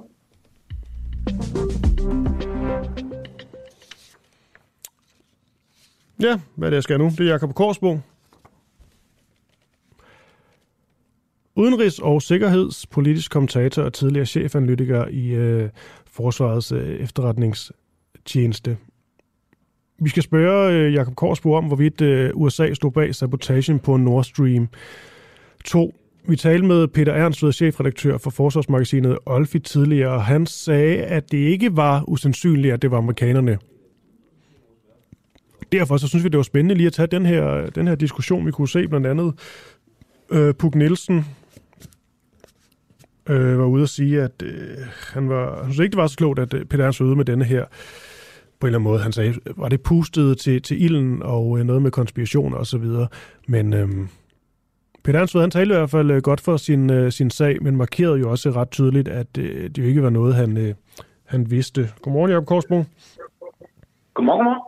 Og det er bare for at sige, Jacob, her til start, øh, vi havde Peter Ansved med tidligere, og han siger jo, at det godt kan være USA, der står bag. Det var visse ting, der indikerer det. Han sagde også, det kan også sagtens stadigvæk være russerne. Han ved det ikke. Det er bare lige for at få, få det med. Men, øhm, ja, det er jeg glad for. ja, ja om, det sagde han. Det var ligesom, øh, det, var, det var ret vigtigt pointe egentlig. Men lad os lige tage den her med, nu kan jeg næsten høre, hvad du vil svare, men altså, hvorvidt USA stod bag sabotagen på Nord Stream, er der noget, der taler for det, tænker du? Øhm, er der noget, der taler for det? Altså, det, det kan man jo godt finde, altså de her berømte klip med Biden, der taler om Nord Stream og så videre, og så videre, jo vist, øh, men, men der er også nogle omstændigheder omkring de der, øh, som jeg vil kalde svage indicier, som, øh, som øh, Peter altid øh, fremhæver, som jeg vil sige, jamen, hvis man lige kigger lidt dybere i kortene, så kan man godt finde noget, der gør, at det, dem skal vi nok ikke tillægge så meget værdi alligevel. Øh, men, øh, men det er fair nok, at han har de pointer, han har. Øh, øh, det, det, det, der er ikke problemer der. Der er jo det her famøse klip, hvor Joe, hvor Joe Biden jo er ude og sige, at de gerne vil, øh, er det shut it down, eller hvad det er, han siger. Øh, ja. Det på en eller anden måde, tænker jeg, jo sådan umiddelbart indikerer sådan ret tydeligt, at de vil have nogle interesser i at få, få gjort det her. Ja, ved første øjekast, øh, det er klart. Øh, og øh, Peter Ernst siger om, øh, om dem, der er skeptiske og, og, og mener, det er Rusland, der står bag, slet ikke har opdaget det. Øh, jo, det har jeg opdaget. Det har jeg også kommenteret på flere gange. Mm. Og jeg gør det med stor fornøjelse en gang til. Fordi det klip er før krigsudbruddet i Ukraine. Biden forsøgt at anskueliggøre for Putin, hvor meget han ville tabe, hvor dyrt det ville blive for ham, hvis han gik i gang med den her krig. Mm. Så det var et forsøg på at skræmme Putin ved at anskueliggøre den økonomiske katastrofe øh, for, for, for Rusland. Mm. Og, øh, og den hoppede Putin, som øh, eftertiden viste, desværre ikke på. Øh, men det førte jo så til, at øh, øh, Tyskland øh, fuldstændig skrinlagde Nord Stream 2 fordi det Biden taler om, er kun Nord Stream 2. Og det projekt blev fuldstændig skrinlagt af tyskerne umiddelbart efter krigsudbruddet. Jeg mener, det er primo marts. Så øh, Nord Stream 2 øh, og Bidens udtalelse der, den er egentlig helt begravet. Øh, og så øh, er der en ting mere, øh, som øh, Peter Ernst ikke lige lægger mærke til, tror jeg, øh, det er også, at Nord Stream 1 er også stoppet på det her tidspunkt for angrebet.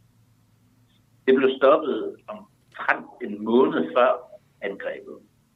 Så det vil sige, at der var ikke nogen handel øh, med gas via de to rørledninger, da angrebet finder sted. Mm.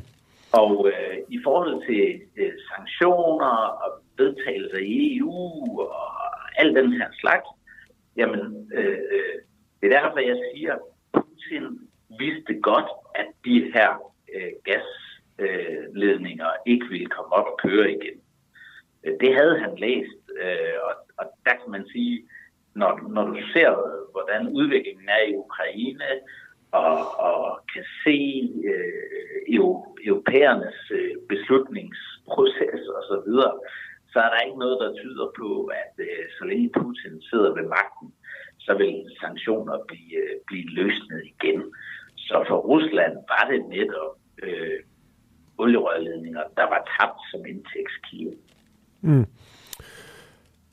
Han skriver, Peter Ernstved, i sin analyse, at kun et land har åbenlyst interesse i at få sat en endegyldig stopper for Tysklands massive indkøb af russisk naturgas, og det er USA. Der er jo noget, på mange måder noget, noget storpolitik i det her selvfølgelig, men, men er det er alle mulige forskellige aktier og ting og sager på, på spil og agendaer og så videre. Men kan du ikke godt følge nogle af de her pointer, han kom med, Peter Ernstved, at, øh, at USA rent faktisk godt kunne have nogle incitamenter for at ville udføre det her angreb, der kunne være, måske være lige så oplagte som russernes? Øh, øh, jo, hvis det var korrekt, øh, at øh, Rusland tjente en masse penge på gassalg øh, til, øh, til Tyskland på det her tidspunkt. Men det kan jo til det, jeg siger. Det gjorde de jo ikke. Og hele Nord Stream 2 var skrinlagt. Det øh, har Peter Ernst også glemt i sin analyse. Og Nord Stream 1 øh, indkøb fra den var også stoppet øh, i løbet af sommeren. Så, så, så, så, så øh, hele forudsætningen for hans analyse den falder faktisk med, øh, med det. Øh, og jeg kan sige, sådan, øh, hvis det havde været tilfældet, at Europa havde fortsat med at, at købe gas og finansiere øh, Ruslands krig øh, på den måde, jamen, så vil jeg da ikke afvise, at USA kunne have haft en interesse. Faktum er bare, det havde de ikke, fordi øh, øh, gasleverancerne gennem Nord Stream, de to pipelines, var stoppet. Okay, så øh, vi skal til at videre her i teksten, men, øh, men, men sådan lige, fordi nu har vi også haft Peter, Peter Ernstved, der også har talt længe i, øh, i radioen dag, så du lige lov til at slutte lidt, lige komme med sådan en Jacob Korsbo. Øh, det lyder til i sådan den helt øh, hvad skal man sige, hvis du skal skære det ned til en, øh, nærmest en, øh, måske en rubrik og en underrubrik, hvad er det så, Peter Ernstved, han, øh, han tager fejl ifølge dig? Hvor er det, han tager fejl? Jamen, vidt, det er øh, det her med den økonomiske benefit for Rusland af, af de her øh, rørledninger. De var væk. Det, det, det, det, det er en fejlanalyse. Derudover omkostningen ved NATO-alliancen, øh, hvis man begav sig ud i sådan noget i den her spændte situation, og efter Trump og med de ting, der foregår i Europa, og Biden-administrationen, Biden skulle godkende sådan her et angreb. Øh, han har travlt med at opbygge alliancer, ikke nedbryde alliancer. Så, så incitamenterne for USA er der desværre ikke, hvis man kigger lidt dybere i kortene, end Peter han har gjort. Okay. Jakob Korsbo, udenrigs- og sikkerhedspolitisk kommentator og tidligere chefanalytiker i øh, FE. Tak for det, og så må folk jo selv vurdere, om de synes, øh, det er dig eller, eller Peter Ernstved, der, Ja, det må de. Det er helt okay. Kan en god dag. god dag. Hej. Skulle Mette Frederiksen og Jeppe Kofod have holdt mund om missilnedslaget i Polen? Både fungerende statsminister Mette Frederiksen og fungerende udenrigsminister Jeppe Kofod de var ude på sociale medier og lufte deres bekymring over missilnedslaget i den polske landsby Sevodov, tror jeg han hedder, hvor to blev dræbt. Og der var flere end dem. Jeg så da også lige øh, Peter, Pia, Peter, Pia Olsen Dyr fra, øh, fra SF var ude med en bekymring på, øh, på Twitter. Spørgsmålet er bare, om de er sådan lidt for tidligt ude, eller man lige skulle øh, holde på, øh, på skytset for at blive den metaforik. Godmorgen, Maria Krab. Godmorgen. Marie Krab, du er tidligere folketingsmedlem, og du er ikke helt tilfreds med øh, nogle af vores, øh, vores folkevalgte, når det kom til at nærmest breake denne her nyhed om, hvad der skete i, øh, i Polen. Hvad var det, du synes, de var for... Øh, eller var de for tidligt ude med det? Var det, der var problemet? Ja, men det er jo noget, vi ser gang på gang. Ikke? Altså, at øh, man giver Rusland skylden, uanset om man egentlig ved, om de har det eller ej. Øh, og man kan også se her, at øh, med, med missilet, som øh, jo så øh, viser sig at være, eller det tyder alt på, et, et ukrainsk øh, luftværnsmissil, øh, øh, så har man jo alligevel sagt, at det kan godt være direkte af Rusland, der afskyder, men så er det i hvert fald Ruslands ansvar. Altså man skal hele tiden have det her med, at det er jo de onde, der er de onde. Vi skal fast, fastholde den her øh, sort-hvide øh, historie, fordi ellers så, så falder vores verdensbillede sammen. Og dermed vil jeg også sige, at på en eller anden måde har Rusland jo fået en funktion i vores verdensbillede, som ikke nødvendigvis har noget at gøre med, hvad Rusland gør. Mm. Øhm, men har mere at gøre med, at hvis ikke vi har Rusland som den onde, som det sorte billede, vi kan holde alt op imod, øh, så kan vi ikke rigtig se de andre ting. Altså det er lidt ligesom McCarthyismen øh, under den, den kolde krig, som jo også hjalp, så må sige, i anførselstegn amerikanerne til at disciplinere deres, øh, deres indrigspolitik, ikke? deres øh, politiske landskab.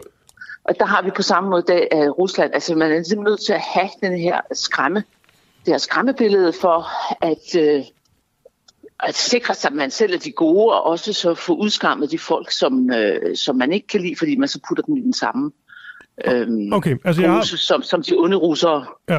Marie Krab, jeg har to, øh, to tweets, hvor jeg tror, det ene, der, øh, der kan jeg godt følge dig i forhold til det, du siger, det andet, det forstår jeg faktisk ikke helt. Men den tager vi. Lad os lige starte med der, hvor jeg egentlig godt kan, kan følge dig. Det er Pia Olsen Dyr, øh, formand for SF, der skriver, eller skrev, farlig situation i Polen lige nu, affødt af Ruslands vanvittige krig i Ukraine. Yderligere greb for at presse Rusland må tages i brug.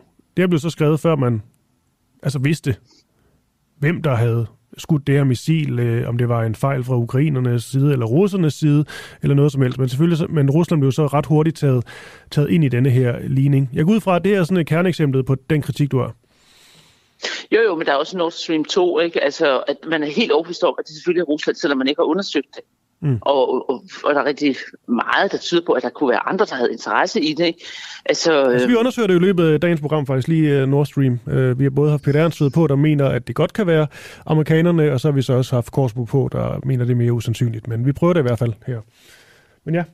Ja, men, men det, står jo så lidt alene med, ikke? Fordi øh, de, altså, øh, de fleste har jo i hvert fald forsøgt at undgå at lave en afklaring af det. Ikke? Vi, får, vi får aldrig en, eller vi får først en opklaring, når det er historikerne, der kommer til de arkiverne, altså om 100 år eller sådan noget. Ikke? Mm. Øhm, så der er sådan en, en øh, desværre, synes jeg, en, en, en uheldig tendens til at, øh, at tillægge Rusland noget skyld. Altså ikke fordi Rusland er jo overhovedet ikke uskyldig. Altså alle har jo øh, grimme ting, og Rusland har rigtig mange grimme ting.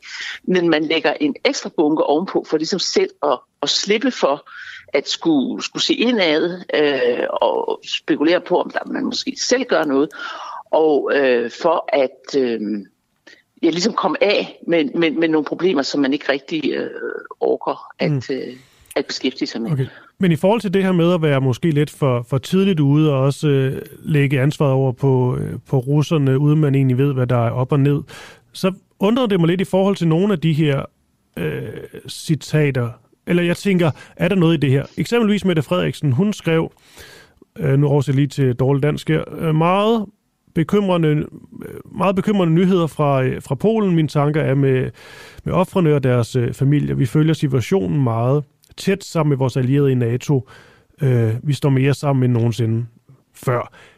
Sådan et tweet her, der er vel ikke så meget i det andet, end at øh, hun egentlig bare øh, i tale sætter, at det er en bekymret situation. Og det kunne det vel også potentielt set øh, have været, når man ser, der er ja, angreb absolut, ja, absolut. Det er jo det, man er allermest bange for. Det er jo netop, at sådan en, en fejl mm. kommer til at udløse 3. verdenskrig. Men det, som hun jo så skriver i det tweet, det er jo, at vi står sammen.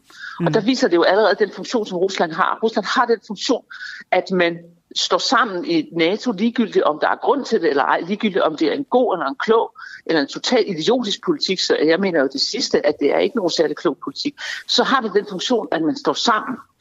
Og, og dermed kan man jo næsten, kan man sige, næsten være lige meget, om Rusland har gjort det eller ej.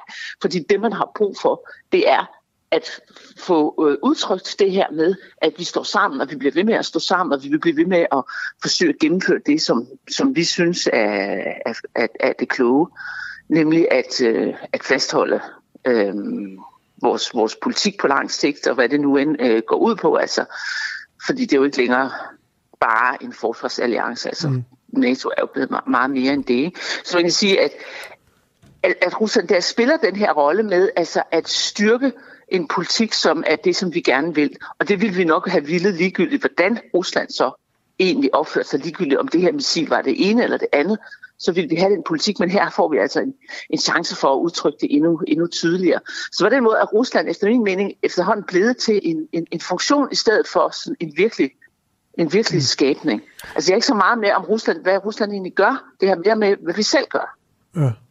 Synes du egentlig, det ville, øh, ville klæde, lad os sige, Mette Frederiksen eller Jeppe, Jeppe Kofod, og så skrive øh, efterfølgende, vi har faktisk fundet ud af, at det var et, øh, et ukrainsk øh, missil, øh, der ramte? Øh, ja, det ville det, men det ville også først og fremmest klæde dem, hvis de prøvede at bremse op og sige, er det her egentlig en fornuftig politik? Altså, er det egentlig noget, som vi har brug for? Er det egentlig i Danmarks interesse, at vi kommer ind i en øh, voldsom økonomisk krise og er står på randen af 3. verdenskrig?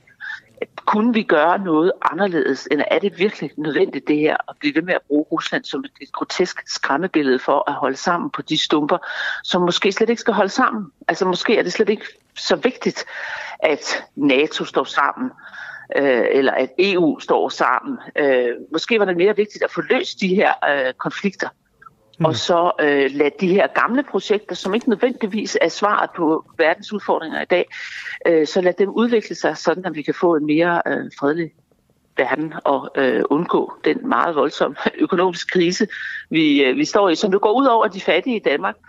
Øh, og det vil sige, at Danmark altså, med åbne øjne fører en politik, som virkelig går ud over de svage i landet. Og det er en socialdemokratisk øh, regering, der, der gør det. Så de plejer altså at sige, at de ønsker at føre en politik, som gavner de svage samfund. Det gør de i hvert fald ikke. Mm. Okay, Marie Krab, øh, vi skal til at slutte. Bare lige sådan helt nysgerrigt. Øh, du er nu for, forhenværende medlem af, af Folketinget, og man kan jo høre, at du er der stadig øh, interesseret i, øh, i politik og storpolitik, sjovt nok. Hvad, altså, hvad, hvad skal du ind til nu? Nå, jamen, jeg skal jo øh, til mit øh, gamle arbejde. Jeg skal først lige øh, læse et øh, ekstra fag på øh, universitetet, så skal jeg være øh, gymnasielærer igen. Men det betyder jo ikke, at man holder op med at følge nej, med nej, i, nej, hvad der det skal sker, du sig for det. Øh, jeg glæder mig rigtig meget til mit, øh, eller jeg er rigtig glad for mit nye liv. Det er da skønt. Ja, men jeg synes, at man skulle vågne op og begynde at se på Rusland, som Rusland er, i stedet for at bruge Rusland i sin egen interne politik. Det mest groteske var jo den øh, amerikanske historie om russisk indblanding, og at Trump skulle være russisk øh, støttet. Ikke? Altså, der blev Rusland jo tydeligvis brugt som en brik i et indrigspolitisk spil, hvor Rusland ligesom skulle være syndebukken, eller, eller den skræmmende øh, hvad hedder det, sådan en prøvelknappe mm. øh, for noget, som var sket internt, og som var amerikanernes helt egen skyld, altså at Trump var kommet til magten, og det kunne de ikke ligesom erkende, og så skulle det være Putins skyld. Ikke? Og det er den funktion, vi skal holde op med. Øh, det er det første, og så skal vi selvfølgelig også løse den øh, konflikt, som jo reelt eksisterer, som ikke bare er noget, vi vi, vi finder på. Øhm, men, men, men Rusland har fået en funktion, som går langt ud over Ruslands reelle eksistens og Ruslands reelle væren. Og, og det er meget, meget farligt. Fordi vi ser ikke Rusland, som Rusland er. Vi ser Rusland som et meget mere uhyggeligt og skræmmende øh, monster. Og, og dermed bliver vi meget mere dårligere til at løse de reelle konflikter, som øh, ligger på, på skrivebordet, og som virkelig trænger til at blive løst, fordi det går ud over os alle sammen og risikerer at udløse en tredje verdenskrig. Okay, Marie Krab, øh, det bliver de sidste ord i dette omgang. Vi taler nok ved en anden god gang. Kan du have en god dag? Jo, tak. I lige måde, tak. Hej. Og nu skal vi til Benny Engelbrecht, MF'er for Socialdemokratiet. Var danskerne ligeglade, mens 200 borgere var i potentiel livsfare på ALS? Folketingsmedlem Benny Engelbrecht netop, han har via sine sociale medier gjort sine følgere opmærksomme på den evakuering, som i går fandt sted på ALS, da to bomber fra 2. verdenskrig blev detoneret. Han mener, Ben Engelbrecht, at danske medier burde have dækket historien i meget større omfang, end tilfældet rent faktisk var. Og eftersom vi heller ikke selv har dækket den historie på den uafhængige før i dag, så øh, er der jo også noget kritik øh, knyttet til, til os, og det er jo øh, det er fair nok. Ben Engelbrecht, han skrev blandt andet på Twitter, at øh, Sønderjysk evakuering får overraskende lidt opmærksomhed. Der er i citationstegn kun cirka 200 husstande, der er evakueret for at kunne bortspringe to bomber fra 2. verdenskrig nær Sønderborg i dag. Sikkerhedszonen er 2.300. Forestil dig lige, hvis findestedet havde været bynært. Godmorgen, Benny. Godmorgen. Nu skriver du selv, øh, forestil dig lige, hvis findestedet havde været øh, bynært. Vil du prøve øh, for, for lytteren lige at beskrive, hvad det er, vi skal forestille os? Ja, altså hvis, øh, hvis man var blevet på Als, øh, og, og de her bomber var blevet fundet øh, bare måske en kilometer syd for, så, så havde det jo været øh, altså tusindvis af er der tusindvis af borgere, som, som havde skulle evakueres. Det er en, en ret omfattende radius, 2,3 kilometer. Øh, øh, det, det er alligevel noget af et, mm. et, et, et sikkerheds, noget af en sikkerhedszone, og man må også sige her efter efter bortsprængninger. Det har jeg kunne se øh, forskellige øh, videoer og andet, som, som borgere, der har boet tæt på, har, har delt. Og det, øh, der er altså huse, der har fået øh, ret så voldsomme sætningsskader og andet. Så det, det er et, et, et voldsomt syn, som står tilbage, øh, og, og man må bare sige, at det er utroligt heldigt, at det har ligget så, mm. øh, så, langt, øh, så langt væk fra, fra, fra tæt bebyggelse, som det trods alt har gjort. Det er jo heldigt nok. Før vi lige taler om øh, mediernes øh, rolle i alt det her, eller måske øh, nærmest manglende rolle, Ben Engelbrecht, vil du lige fortælle, hvad øh, sådan, hvorfor er det, du er gået så meget op i denne her, øh, i denne her, denne her sag? Ja, for det første fordi øh, alle vi, som bor i Sønderjylland, jo godt kender vores forhistorie. Jeg tror, de fleste kender lidt til 1864 øh, og, øh, og, og, og de voldsomme øh, ting, som skete der. Mm. Men 2. verdenskrig har også sat sit udpræget øh, præg på, på det sønderjyske landskab. Der var mange visioner, der blev fløjet fra både britiske RAF-flyver og også amerikanske flyver. Alene på Områ Kirkegård øh, ligger 154 øh, døde britiske flyvere. Øh, så, så det siger lidt om den skala af aktivitet, der foregik i luftrummet over øh, Danmark og især over Sønderjylland i, i 2. verdenskrig. Og det her langt fra det eneste øh, varv, som stadigvæk findes øh, rundt omkring i det sønderjyske landskab. Der findes jo også øh, i, i vores meget nære nærhed, altså i Flensborg har man også flere gange haft været nødt til at fjerne øh, gamle øh, luftbomber, som under nogle tilsvarende omstændigheder. Så, så man kan sige, at øh, den historiske bevidsthed banker jo lidt mere på, øh, måske i, i vores landsdel, end, end det nødvendigvis gør så mange andre steder. Derfor er det også meget naturligt at sige, Mm. Øh, når, når noget så alligevel er relativt dramatisk som det her, jeg ved mm. godt, det er bomber, der er 80 år gamle, men, men vi kan også se på, øh, på, på den kraft, som har været i dem, at det er jo ikke, det er ikke noget, der er helt tilfældigt, og, og jeg har da også lagt mærke til, at, at der er enkelte, der har noteret sig, at, øh, at i 2017, der foregik øh, spejderens lejr med 37.000 spejdere meget tæt på, det, på den lokation, hvor, hvor de her bomber de er fundet. Mm. Og så i forhold til, øh, til medierne, der ligger vel en kritik af, så vidt jeg forstår, at, øh, at de måske større nationale medier, måske også særligt øh, bymedierne, hvad vi nu skal kalde, øh, kalde os alle sammen, øh, ikke rigtig har taget denne her historie op. At det, der kunne man jo vente om at sige, det her er også meget en lokal historie.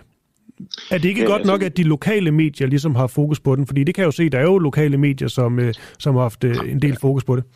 Helt enig, helt enig, at, øh, og, og jeg, jeg beder heller ikke jer øh, om at, at, at have den store fokus på. Det har I så nu, og det er jo rigtig fint.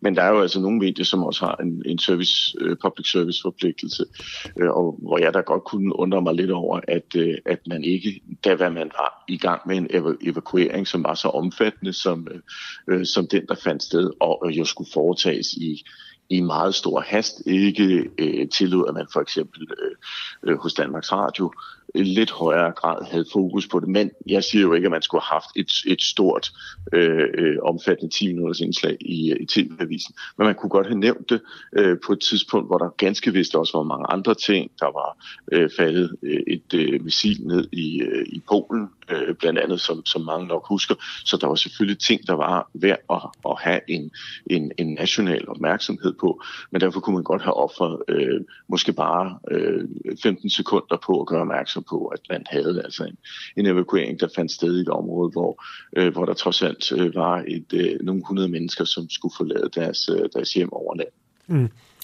Føler du sådan generelt, at, øh, at medierne de er for øh, fokuseret på, øh, på København og Aarhus eksempelvis? Det er en helt klassisk uh, historie, må det man sige, at, at, der, at, der, at der er lidt for lidt uh, fokus på, på uh, eller en, en, en måske lidt skæv balance en gang imellem. Jeg, jeg har altså også en vis forståelse for, at, uh, at vi netop har været igennem en valgkamp, uh, og, og der vil jeg sige, der har uh, alle danske medier glemret ved at have en stor og, og meget synlig tilstedeværelse altså, i hele landet. Og det er måske også det, som især er med til så at, at gøre, at der også er nogen, der sidder tilbage og tænker, Nå, men det kan man jo faktisk godt. Man kan altså også godt til, til, til at fange de lokale historier, der er.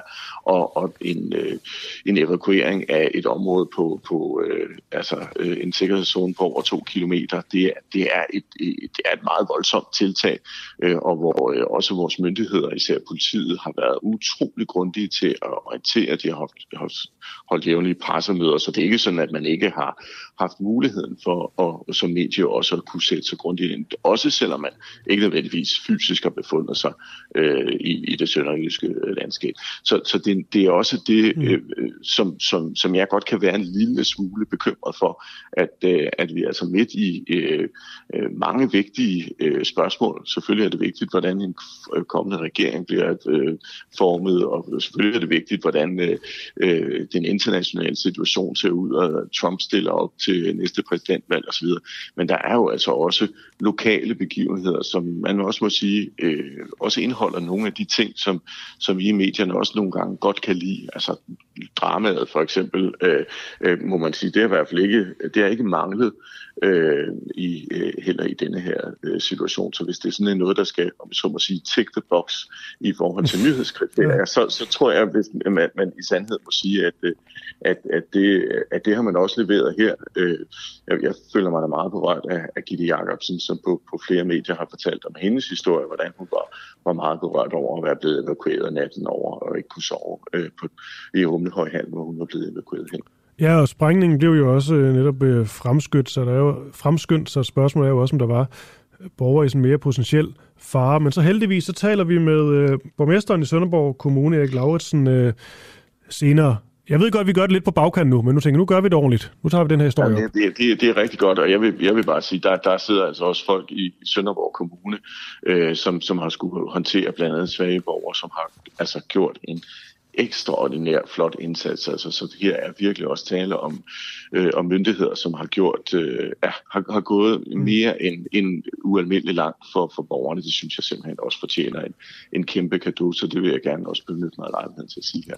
Super. Og vi har altså Erik Lauritsen med om 20 minutters tid, og med det så Ben Engelbrecht, øh, medlem af Socialdemokratiet, øh, MF'er, og øh, er det ikke bare det? Kan du have en god jo, dag? det er i orden, tak, og i lige måde. Tak, tak. Hej. Hej.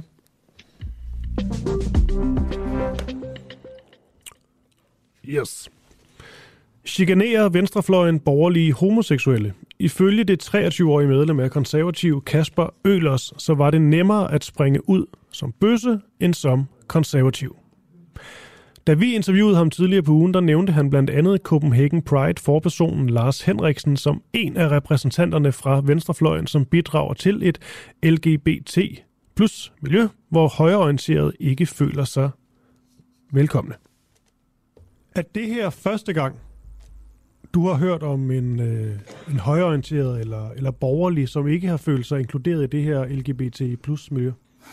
Nej, men det er heller ikke første gang, jeg har hørt om en venstreorienteret, der ikke føler sig. Det er altså, man kan sige, øh, nu er jeg jo selv, kan man sige, øh, forperson i Copenhagen Pride, og vi har jo igennem år haft en alternativ Pride, der gik på Nørrebro, øh, som var folk, der øh, fra det sådan øh, antikapitalistiske venstrefløjsmiljø, som sagde, at de ikke følte sig inkluderet i vores festival. Mm. Øh, så på den måde kan man sige, så tror jeg, at der øh, fordi vi er et, et lige så alsidigt miljø som alle andre miljøer, er folk, der føler sig mere med, eller mindre afspejlet i, øh, i organisationerne osv. Og, øh, og så må man jo, kan man sige, enten som Nørrebro Pride gjorde, starte sit eget, eller som Kasper har gjort, gå ind i en af organisationerne. Kasper har jo siddet i landsledelsen i LGBT plus Danmark, øh, og dermed gør sin stemme gældende. Mm. Øh, så så jeg, jeg, jeg, altså jeg, jeg tror, det er noget, der, der finder, finder sted på men, begge sider. Men forstår du, når jeg, hvis jeg bare taler for, altså for mig selv her, at jeg egentlig, når jeg tænker på LGBT plus miljøet, så tænker jeg det faktisk primært som et venstreorienteret projekt? Nej, det forstår jeg ikke. Nej. Tror du heller ikke, jeg har noget at have det i?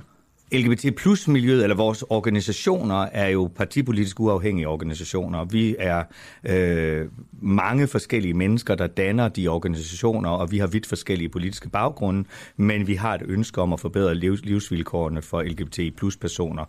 Så kan man sige, hvis man kigger historisk på det, så har vi i hvert fald i de sidste 30-40 år oplevet, at de partier, der har hjulpet med at få gennemført de forbedringer af vores livsvilkår, som vi har ønsket, primært befundet sig på den politiske venstrefløj. Mm. Men det er sådan set også en historisk nyskabelse. Går man endnu længere tilbage i historien, så var det faktisk et andet politisk billede, der tegnede sig. Så igen er det noget, der er meget mere nuanceret mm. end som så. Altså den her, kan man sige... Øh, opfattelse, vi har af, at venstrefløjen er særligt LGBTI plus venlige, det er faktisk en forholdsvis moderne foretagelse. Men vi skal ikke tilbage til længere end bare omkring 1970, før at det faktisk var en anden øh, virkelighed. Kasper Øhlers, han, øh, han skrev til os. Han skrev følgende. Lars Henriksen, altså dig, der var folketingskandidat for Frie Grønne, samtidig med at være politisk talt talsperson for Priden, sagde til netop Pridens åbning i august 2022, at, og det er så et citat fra dig det her, enten er I med os, eller også er I imod os. Og så skriver han videre, Kasper Øhlers, meget splittende og totalitær tale, når man samtidig er kandidat for et yderparti. Du skal selvfølgelig lige have lov til først og fremmest at redegøre for det her citat. Ja, og øh, jeg synes, det er ærgerligt, at Kasper ikke har taget hele citatet med. Øh, for, øh, fordi jeg står sådan set fuldstændig inden for det, der står. Mm. Men det, jeg sagde, det var, at det, vi har behov for som LGBT plus miljø, det er, at folk toner rent flag, øh, og at vi har mindre behov for, at folk kun er med os i Pride-ugen, og så i øvrigt er øh, imod vores rettigheder resten af året, eller ikke interesserer sig for dem, eller ikke øh, øh, forsøger at, at, at øge vores inklusion i samfundet. Øh, og fordi det er en meget svær modstand at være op imod, når folk på den ene side i meget stort antal øh, erklærer sig øh, for LGBT plus rettigheder, men så bagefter øh, for eksempel ikke stemmer for en, øh, en lovændring, som kan forbedre vores liv og rettigheder. Og så var det, jeg sagde. For det er altså sådan, at hvis du ikke går ind for LGBT plus rettigheder, så er du imod LGBT plus rettigheder. Øh, og dermed er der jo også noget, øh, noget i det citat, der hedder, altså enten er du med os, altså går du ind for ligeberettigelse af LGBT-personer, eller også gør du ikke. Der er ikke nogen gråzoner. Okay, så der er mere i det end, øh, end som så, men trods alt alligevel, det her, øh, enten er I med os, eller også er I imod os. Øh, kan du ikke forstå, at det godt kan lyde sådan lidt, altså lidt voldsomt? Det her med, at man ligesom skal være på den ene eller anden øh, side, det er vel den rigtige Jo, men det er jo ikke den ene, ene eller den anden politiske fløj, jeg, jeg taler om her. Det er enten så er man, når man er til Copenhagen Pride, for LGBT plus rettigheder, eller også så er man ikke. Altså man kan ikke begynde sådan at cherrypicke og sige, jamen jeg, jeg, jeg er sød ved bøsserne, øh, men jeg vil ikke give transpersoner rettigheder. Vi er et miljø, der står sammen, LGBTQIA plus miljøet, og vi har er solidariske med hinanden og har hinandens ryg. Øh, og på den måde kan man altså ikke begynde at pille den ene gruppe ud og sige, de skal ingen rettigheder have, men til gengæld så er vi super søde og kan godt lide de andre. Øh, så bliver vi nødt til at sige stop og sige, nej, hov, øh, rettigheder gælder for alle, og, og den menneskelige værdi, der ligger i menneskerettigheder, den gælder også for os alle mm. sammen. Nu kan det godt blive lidt, uh, lidt anekdotisk, uh, det her, jeg vil bede dig om at svare på nu, Lars Henriksen, men så alligevel, eksempelvis når vi taler om, uh, om priden, Mm. Nogle af dem, du, øh, du taler med, jeg ud fra, du taler med, med rigtig mange i det her miljø, øh, sådan en, øh, sådan en uge her. Selvfølgelig gør du det. Ja. Altså, er der nogen af dem, du har talt med, som eksempelvis, lad os sige, er fra konservative, eller nye borgerlige, eller, eller DF? Ja. Er det det? Ja, det er der. Og jeg, jeg var faktisk til en fødselsdag i lørdags, hvor, jeg, hvor, hvor vi sad og talte om, at nok halvdelen af de øh, 20 mennesker, der var til stede, havde stemt konservativt ved det her valg. Og det skal konservative så være glade for, fordi man kan sige, de, ligesom jeg selv, fik jo ikke verdens bedste valg. Øh, så man kan sige, der var i hvert fald mange konservative bøsser til stede i den forsamling. Og det er jo folk, som jeg anser for mine venner, og som jeg kommer utrolig godt ud af det med. Hmm. Føler du, Kasper Øhlers, han ser han ser spøgelser? Nej, fordi Kasper har jo haft den oplevelse, Kasper har haft, og jeg ved jo ikke, hvad han har været udsat for, hverken ude i miljøet eller på sociale medier. Øh, og jeg kan jo sagtens genkende, at tonen kan være utrolig hård, mm. og det tror jeg også, at, at den kan være, øh, når man er på højrefløjen. Øh, og... Øh, og det er det, jeg siger. Det synes jeg, man skal besinde sig lidt på og tænke, kan vi behandle vores politikere bedre? Øh, og i hvert fald kan man sige, de kandidater, som ikke er valgt endnu, mm. øh, bedre. Ikke? Fordi ellers er der sgu ikke nogen, der vil stille op længere til vores og, og, og, og deltage i vores demokrati. Mm. Så det synes jeg både vi som miljømænd, og det synes jeg også samfundet i øvrigt, skal være utrolig opmærksom på, at øh, det, det altså også koster noget på den måde at stille sig frem. Og ja, det øger til holdeplads, men man behøver altså ikke, øh, altså det er jo ikke en MMA-kamp, man stiller, MMA, hvad hedder det? Ja, det ja, der med. som, med. ja, øh, man stiller op til, boksning, det ja. er sådan set en, en debat på ord, ikke? Ja. Lige til sidst vil jeg lige læse nogle, øh, nogle øh, sms'er op, og det er jo ikke noget, du skal stå på mål for det her. Det er men det er bare, nogen, jeg har skrevet. Det er det Nå. formentlig ikke. Øh, og det er så til Kasper Øhlers, det her. En konservativ, der vil kæmpe for LGBT-rettigheder, jeg køber den sgu ikke, lige skriver, kunne aldrig min vildeste fantasi forestille mig at stemme på konservativ, hvis jeg ville støtte mennesker LGBTQ plus fællesskabet. En skriver, imagine at være en del af en ideologi, der ikke støtter ens rettigheder pinligt much. Og det skal lige siges, at han kunne svare klart tilbage på, at, øh, øh, at der ikke var ligesom noget om, om snakken.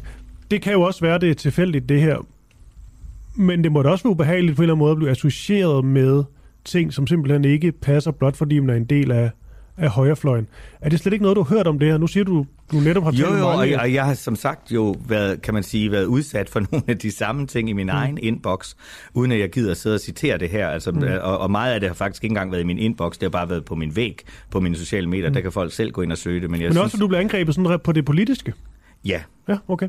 Altså, helt, altså Nå, hvis, jeg, ja, ja. hvis jeg skal citere noget, så er det helt ned til, at hvordan fanden jeg som LGBT plus person kan stille op for sådan et muslimparti, har jeg fået at vide for eksempel. Mm. Mm. Hvilket er fuldstændig, altså vi har den mest progressive LGBT-politik overhovedet på tværs af det politiske spektrum i Fri Grøn. Mm. Mm. Så, så på den måde er det, øh, altså, at, at vi er ikke et muslimparti, vi t- er, er et enormt mangfoldigt parti.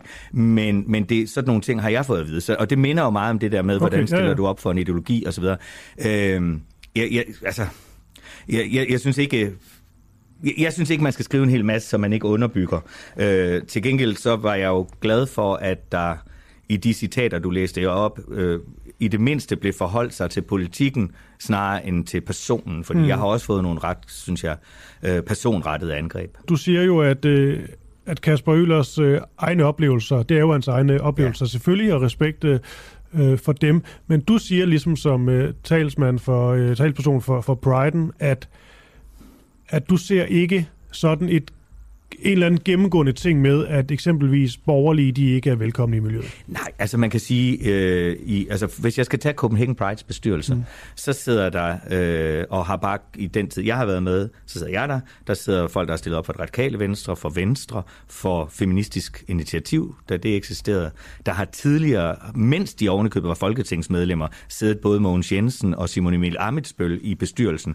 Så, så det har jo været, kan man sige, et meget bredt politisk spektrum af mennesker, der har været repræsenteret, og så en hel masse, der ikke har erklæret deres politiske tilhørsforhold, og som jeg også forestiller mig, stemmer både hid og did og på alt muligt. Ikke? Øh, så altså, jeg, jeg kan i hvert fald ikke genkende det i vores organisation, og det er jo den, jeg bedst kan tale for. Øh, så, så nej. Ja, og tak til Lars Henriksen. Fik os lige en, øh, en lytter besked her. Nyheden var relevant for et par hundrede mennesker. Det er lokalstof. Det handler om øh, Ben Engelbrecht og den her nyhed fra Als.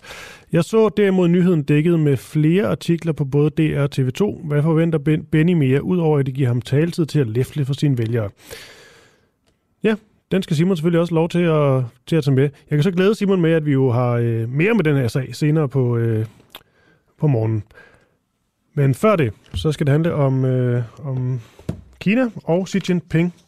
Fordi er Kinas præsident Xi Jinping verdens mest magtfulde mand? Det er spørgsmål, det stiller vi her til morgen. Det gør vi anledning af, at øh, det i denne uge er et øh, 10-års jubilæum for Xi Jinping som øh, generalsekretær for Kinas kommunistiske parti, og dermed med ham som leder af, af Kina. Med til at tale om øh, Xi Jinping, der har jeg nu Jørgen Delman, professor emeritus i Kina-studier ved Københavns Universitet. Godmorgen til dig, Jørgen. Godmorgen. Xi Jinping her. Nu stiller jeg spørgsmål, om han er verdens mest magtfulde mand. Det er jo sådan et klassisk stort spørgsmål. Altså, er han mere magtfuld end eksempelvis USA's øh, præsident? Men er der noget, der... Eller kan man godt argumentere for, for, for den sag, at øh, Xi Jinping han er den mest magtfulde mand overhovedet? Nej, det, det, det synes jeg ikke, man kan. Øh, ikke på nuværende tidspunkt. Øh, det tror jeg simpelthen heller ikke, at han selv vil sige. Men han ønsker jo, at Kina skal komme op på niveau med USA, så verden har to, i hvert fald to magtfulde supermagter, der ligesom kan afbalancere hinanden. Øh, så på sigt, så ønsker han jo nok at være blandt de to mest magtfulde mænd i, i verden.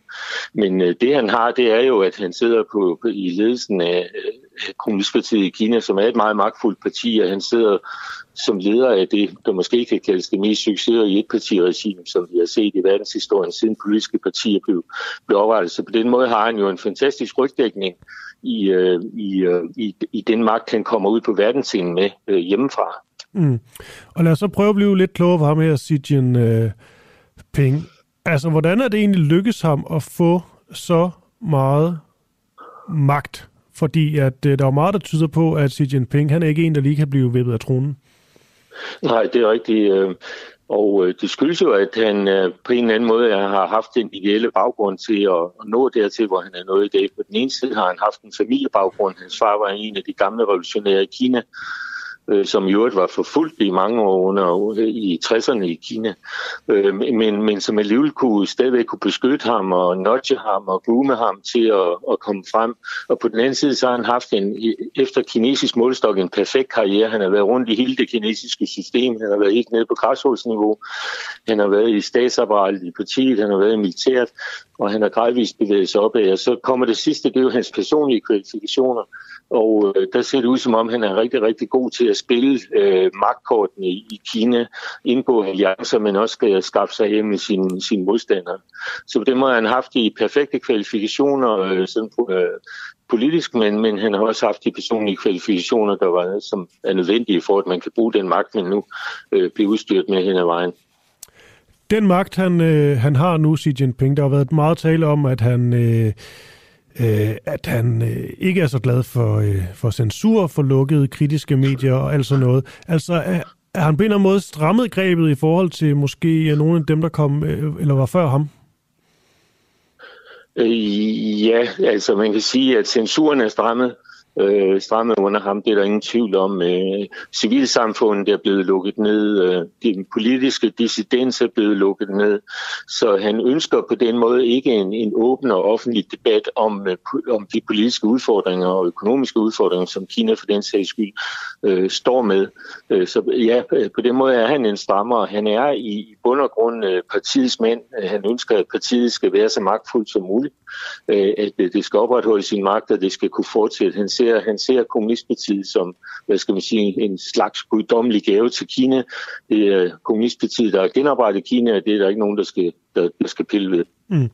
Det kan jo blive, eller det kan være ret svært at sådan forstå, hvad der egentlig foregår sådan i, i Kina, et land med næsten 1,5 milliarder mennesker, og øh, men alligevel, kan du sådan give nogle sådan overordnede et eller andet på, hvordan det går i Kina lige nu? Sådan noget som øh, økonomien. Er, er folk glade? Er der, øh, er der opblomstring? Øh, er der flere, der er... Eller er der ikke så meget fattigdom? Altså, hvordan er det gået under Xi Jinping? Jeg ved, det er et stort spørgsmål. Ja, ja, det er det. Altså, man kan sige, at indtil coronaen kom, der gik det jo for så vidt øh, fint. Økonomien udviklede sig, men det gik, gik så hurtigt som, som tidligere. Øh, befolkningen virker meget tilfredse med, med det regime, de har, der i hvert fald ikke efter de målinger, man nu har, hvor, hvor pålidelige sagen kan være, øh, øh, tegn på, at, at befolkningen sådan grundlæggende skulle være utilfreds med, med regimen, fordi de har leveret velstand og fremgang og fattigdommen er afskaffet osv. Men i de senere år, der kan man se, at økonomien øh, går hurtigere tilbage, end man har regnet med, at vækstraten er virkelig faldet. Coronaen har virkelig trættet den kinesiske befolkning, og vi ser øh, voldsomme protester rundt omkring i Kina nu. Øh, måske ikke i så stort et omfang, fordi man har et effektivt sikkerhedsapparat, der kan slå ned på det, men, men, men meget mere, end vi har set på noget tidligere tidspunkt under, under Xi Jinping's øh, lederskab.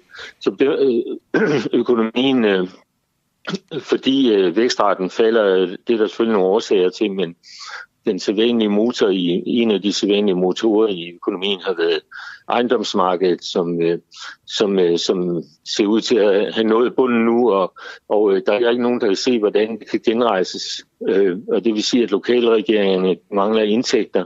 De kan ikke betale lønninger til deres medarbejdere. Så der er en, der er en række øh, tegn på, at hvis, hvis økonomien ikke bliver genrejst. Hvis den ikke, hvis den ikke ligesom kommer op i gear igen, så, så vil Xi Jinping få nogle udfordringer, han ikke har haft på noget tidligere tidspunkt. Mm.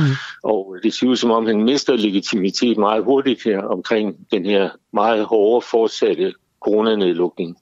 Ja. Xi Jinping, han er blevet 69 år øh, gammel. Der er tale om, jeg så et... Øh en artikel, øh, det britiske medie BBC har lavet, hvor de simpelthen taler om en reel mulighed for, at han bliver siddende på magten i resten af, af sit liv. Er det noget for dig, som, øh, som, Kina, som Kina kender, øh, der kan bekymre dig?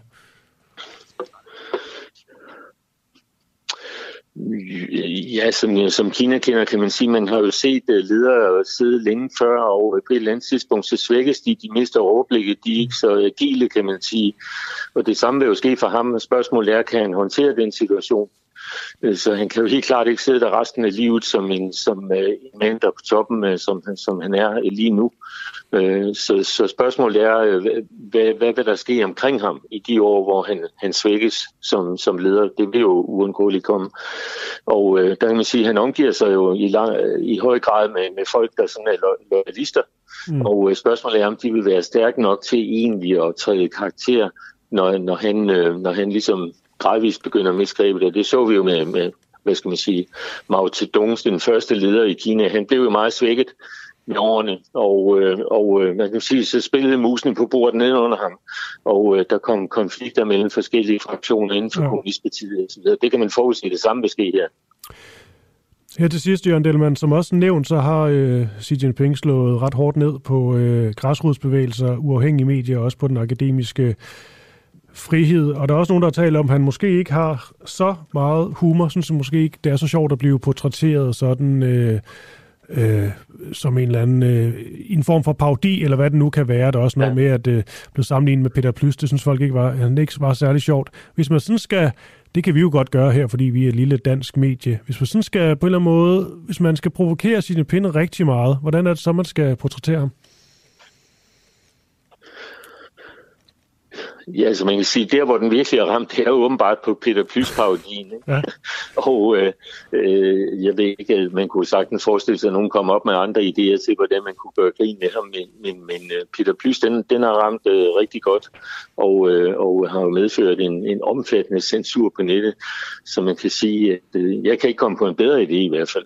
Nej, og det er rigtigt der med, med censuren, at øh, på TikTok og sådan noget, øh, det der med at lave de der Peter Plys øh, ting på Xi Jinping, det er måske en, øh, en effektiv måde at få lukket din, uh, få lukket din profil på. Ja, altså hvis du gerne vil lukke ned, så er det sådan noget, du skal gøre, ja.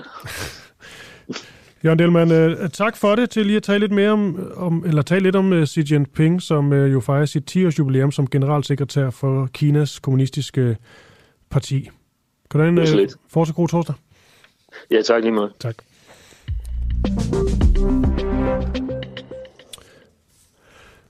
Lige øh, to hurtige øh, nyheder. Endnu et nordkoreansk missil affyret, det siger Sydkorea. Nordkorea har affyret et ballistisk missil ud over havet øst for landet. Det oplyser Sydkoreas militær ifølge nyhedsbureauet AP natten til torsdag dansk tid. Og det her, det sker blot få timer efter, at Nordkorea de troede med et kraftigt militært modsvar på USA's melding om, at landet vil satse mere på sikkerhedssamarbejdet med de allierede lande Sydkorea og Japan så er der en britisk eks-ambassadør og 6.000 andre, som meldes løsladt i Myanmar. Myanmars militærledere de har løsladt 6.000 fængslede personer som led i, øh, i en amnesti. Det skriver myanmarske medier torsdag ifølge Ritzau. Blandt de løsladte er altså flere udlændinge, blandt andet Sean Turnell, så en australsk økonom, og forhenværende rådgiver for tidligere de facto leder Aung San Suu Kyi. Spændende. Det synes jeg, vi skal med i morgendagens øh, program, hvad der er, der sker i Myanmar i disse dage. Men altså, øh, nu skal vi lige til, øh, til denne her historie fra Als.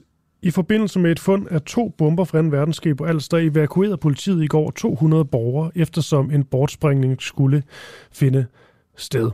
Spørgsmålet er, om øh, vi medier og vi danskere egentlig gik nok op i det her. Altså, øh, var der egentlig mere kød på denne her sag, end øh, vi rigtig fik øh, det fremstillet som. Det er jo lidt en diskussion, som Ben Engelbrecht fra Socialdemokratiet, han øh, tog, fordi han ikke følte, at medierne de var øh, interesserede nok i det her, i hvert fald medierne på landsplan. Der er så også en lytter, der skrev, at han havde så set artikler på blandt andet DR om netop det her, og spørgsmålet er, om det er, det er nok. Erik Lauritsen, borgmester af Sønderborg Kommune, og også socialdemokrat. Godmorgen. Godmorgen. Hele det her forløb, hvis vi lige glemmer mediernes rolle et øjeblik, selve forløbet, det der skete, og øh, detonationen osv., er du tilfreds med, hvordan det, øh, det foregik?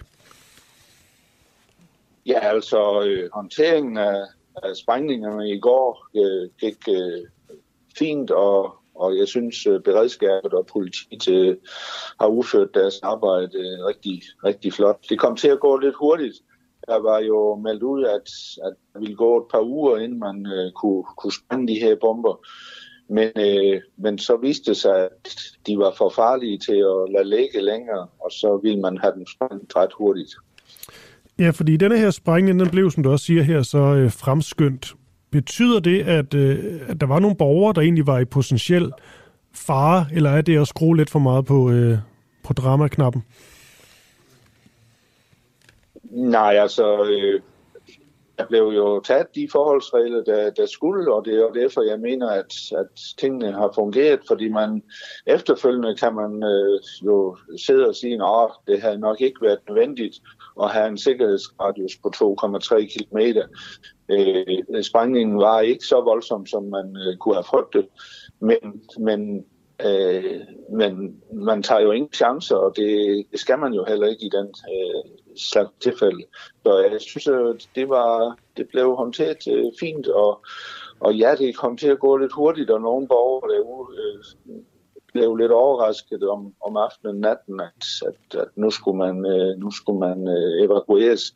Men, øh, men de tog det pænt, og, øh, og alle, øh, mit vidne i hvert fald, ved, ved godt mod nu. Men det, det kan en undre, jeg ved ikke, det undrer mig bare sådan lidt umiddelbart. Man taler om fund af to bomber fra 2. verdenskrig. Altså, de har jo ligget der i øh, ret så længe, må man nok sige. Øhm, ja. Hvordan kan det ende med en evakuering om natten? Det lyder bare så, øh, så voldsomt, synes jeg. Jamen, det kan man da godt synes, men, øh, men vurderingen var, øh, øh, det har jo været tirsdag eftermiddag, at, øh, at, at det var simpelthen for farligt at, at køre med køretøjer ud på det areal, de bomberne ikke var, var så sikre mere. Altså planen var jo egentlig, at der skulle køres rigtig meget øh, jord øh, til området for at, for at sikre spræng, at, at, altså for at dæmpe sprængningen simpelthen. Men det vurderede man, at det ville simpelthen være for, for farligt at, øh, at køre på arealerne med, med store køretøjer. Og, øh, og, og den ene bombe, den, den viste at være øh, mere usikker og, og måske skadet, end, end man først havde vurderet. Og, og så tænker jeg bare, jamen, øh, jeg har fuld tillid til, at, øh, at de eksperter, der har kigget på det, de øh, gør det rigtige, og politiet tager ingen chancer. Det er jeg glad for. Øh, og så, øh, så må det være på den måde. Bliver det undersøgt lige nu, om der kunne øh, være flere bomber i, øh, i området? Nej, altså der er blevet, der er blevet søgt og søgt øh, lige i, øh, i, omkring de her to bomber i, i de sidste par uger. Øh, og, og man havde jo så mistanke om, at der kunne ligge en mere. Øh, og da, da, da de første var sprængt, så øh, undersøgte man så det nøje, og det var så, det var så ikke en, en bombe, det var noget andet, der lå. Så øh, om, der, om der et eller andet sted på, på, på, Hals, på Kære Halvø ligger flere gamle bomber, det, det kan man jo ikke være sikker på. Men øh, jeg er ret sikker på, at i de kommende år, der vil der være mange amatører, der, der tager en tur med deres øh, metaldetektor. øh, men altså umiddelbart så ser det ikke ud til, at, at der er mere og, og det er vi så også trygt ved, fordi de har brugt øh, to uger på at, at undersøge. Okay, det er modtaget.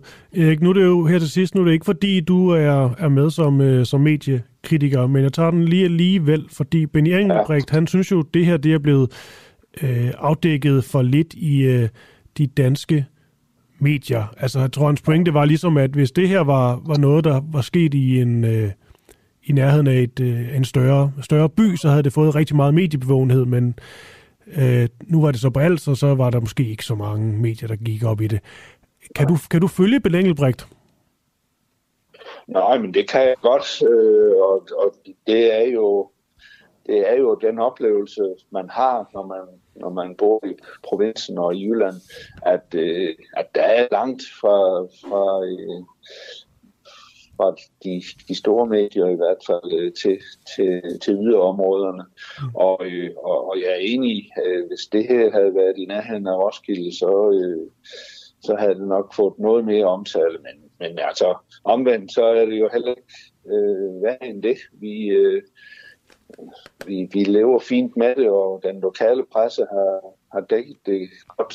Men, men jeg kan også godt undre mig, hvis, øh, hvis når der var den her, det her faremoment, at, at det så ikke øh, er anledning til mere omtale. Men, øh, men det, vi skal jo ikke have omtale bare for at få omtale. Det, de lokale, de er blevet øh, informeret og, og, og advaret og så videre, og det er det vigtigste. Men, men ja, ja, jeg kan da også godt, jeg kan da også godt øh, grine lidt en gang imellem over, hvilke historier man, man tager op, i, når de er i nærheden af de store byer, og, og, øh, og, og noget her ude ud hos os, det, det går under radaren, men, men altså, det er fred være med det. Det, øh, det er ikke det vigtigste for mig. Hvad, læs, hvad, hvad er egentlig selv sådan din, øh, din nyhedskilde øh, go-to? Altså, jeg har en idé om, du ikke, du ikke sådan læser politikken med morgenbåd.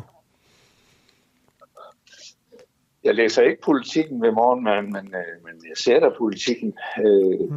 Og, og, og, Jyllandsposten og, og, og så videre her på i Sønderborg. Men øh, og så, og så er det jo så er det jo landtækkende øh, medier også, de, også DR og så videre.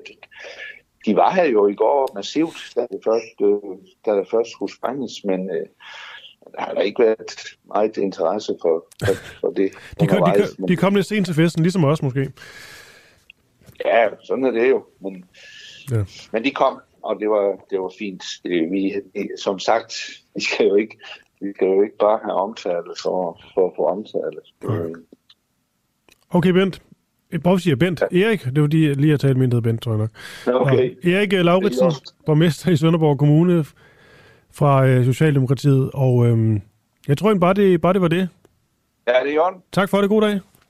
Lige måde. Hej. Hej.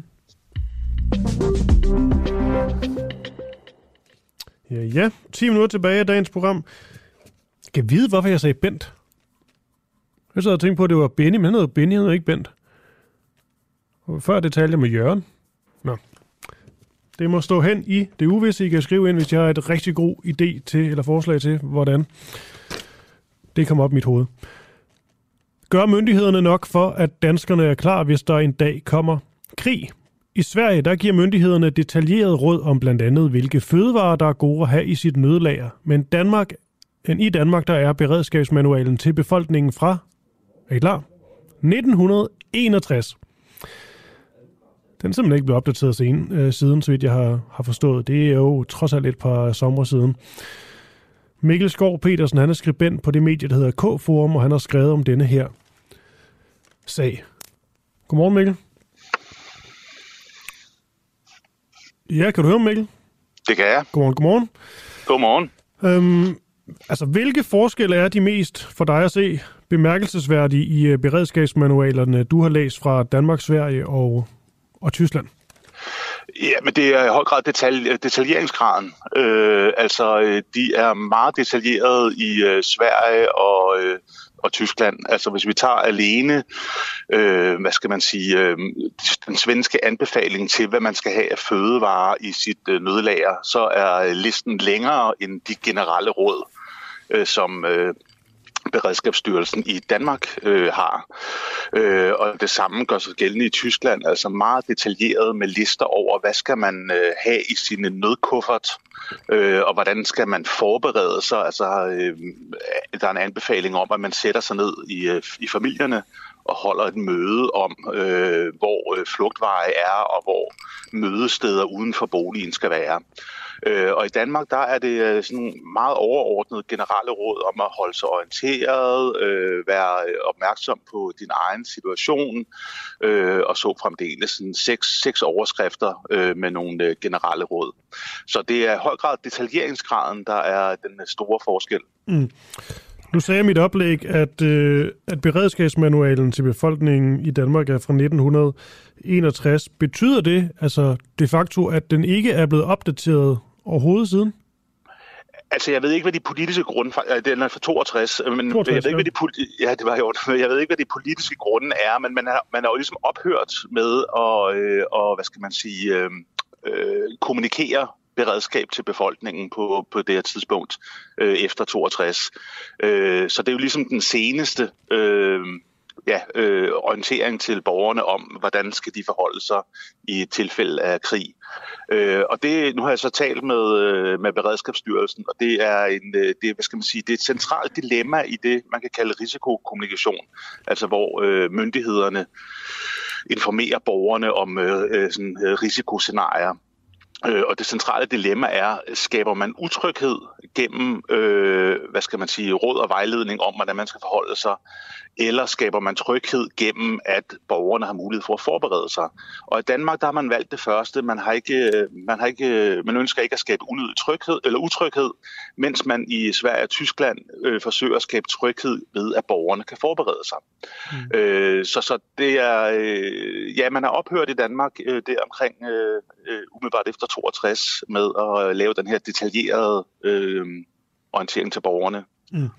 Så det svenskerne, de, øh, de vinder på her, det er særligt sådan noget som, øh, som detaljegraden og så den konkrete råd modsat den, den danske, eller hvordan? Ja, altså, jeg ved ikke, om, man, man, øh, om der er vinder eller taber, øh, så, som, som Beredskabsstyrelsen eller kommunikationschefen i Beredskabsstyrelsen siger til mig. Altså, der er jo ikke nogen rigtige og forkerte svar i, hvordan øh, myndigheder skal gribe det an. Men der er jo nogle øh, forskelle mellem øh, Danmark, øh, Danmark og, og Sverige, for bare at tage de to lande. Altså, hvor øh, Sverige indtil for nylig jo har været øh, stået uden for forsvarsalliancer. De har ikke været medlem af NATO.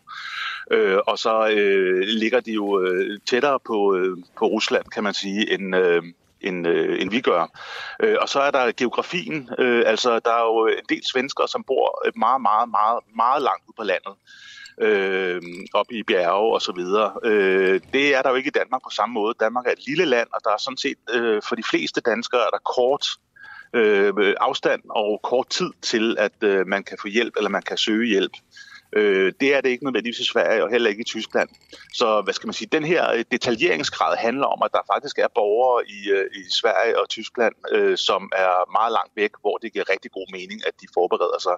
I Danmark, der er det jo kun, hvis man bor på en lille ø for eksempel, og, øh, øh, og færgen holder op med at sejle på grund af en eller anden krise øh, at man kan være øh, i, i alvorlige problemer. Øh, for, de, for de fleste andre danskere, der vil det være øh, et overkommeligt og, hvad skal man sige, skaffe øh, forsyninger eller, eller andet. Ikke? Og så er der også noget, øh, tror jeg også, der er noget øh, sådan mere øh, forvaltningsmæssigt med, hvordan øh, forholdet mellem øh, myndigheder og øh, statsmagt er i henholdsvis øh, Sverige, øh, Danmark og øh, Tyskland, men det, det er jeg så ikke så meget inde i. Så jeg synes ikke, der, det er ikke så meget, der er vinder og taber, men der er en bemærkelsesværdig forskel i den her detaljeringsgrad mm. øh, og i den her, øh, hvad skal man sige, filosofi med, at borgerne skal være beredte øh, på, øh, på øh, altså alvorlige katastrofale situationer øh, hvor vi i Danmark, øh, der er, hvad skal man sige, har myndighederne ikke det mindset, at borgerne skal være beredte på samme måde. Kun sådan i generelle øh, vendinger. Ja, man kan sige, det er jo det med at skulle være øh, beredt på øh, ja, katastrofale situationer. Det er jo ikke noget, der er, sådan, er kommet længere væk fra os den seneste, seneste tid. Nej, det er det ikke. Øh, og øh, nu talte jeg jo så øh, i forbindelse med min øh, artikel der øh, med kommunikationschefen ved Redskabsstyrelsen. Han siger jo, at altså efter efter februar i år, så, har de, så kigger de jo grundigt på situationen, og de overvejer, om der er behov for at justere øh, deres, øh, hvad skal man sige, øh, deres kommunikation til borgerne, altså beredskabskommunikation, kan man sige. Øh, og et er jo ligesom det her, øh, hvad skal man sige, øh, potentielle krigsscenarie. Noget andet er jo sådan hele energiforsyningssituationen, mm. som øh, fra at have været øh, stabil og noget, vi har taget for givet, jo pludselig er blevet, øh, blevet usikker. Øh, og der øh, overvejer de, der holder de også nøje øje med situationen, og de overvejer også, om øh, der er behov for, at de øh, justerer øh, kommunikationen på et tidspunkt. Så ja, altså vi er i en ny situation, end vi har været øh, eller, altså før, øh, mm. før februar i år. Med dem, du har talt med, du har været lidt inde på det, men så alligevel, ser du, at der ligesom er blandt folk med noget magt derude et behov for at lave den her opdaterede version i, øh, i Danmark, eller er det ikke noget, man, øh, man går små op i? Altså, øh, det tør, jeg tør ikke sige, hvilke overvejelser der ligger på, øh, på politisk niveau. Altså, det er jo noget, der foregår bag, øh, bag lukkede døre. Øh, men altså, det der melding er, at de jo holder grundigt øje med, om der er et behov. Øh, og man kan sige, altså, hvis vi tager energiforsyningen, nu så vi jo øh, i forbindelse med det her pressemøde, der var øh, i efteråret, øh, eller tidligere på efteråret, eller sensommeren, Altså, der blev der talt om muligheden for, øh, for strømafbrydelser, altså sådan planlagte strømafbrydelser for at stramme på, eller spare på strømmen.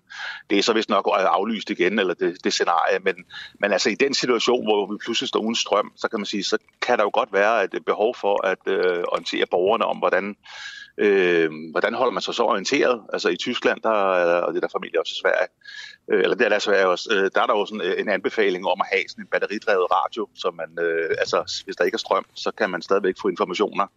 Øh, altså på sådan en lavpraktisk mm. niveau, så kan man sige, så er det jo rykket nærmere, at det er en god idé at, øh, at have en, øh, hvad skal man sige, have nogle informationskilder, som ikke er øh, koblet op på strømnettet eller på internettet. Ikke? Mm. Men altså, øh, og det kunne jeg forestille mig, at det var noget af det, som man måske overvejede, øh, om man skulle øh, orientere borgerne om.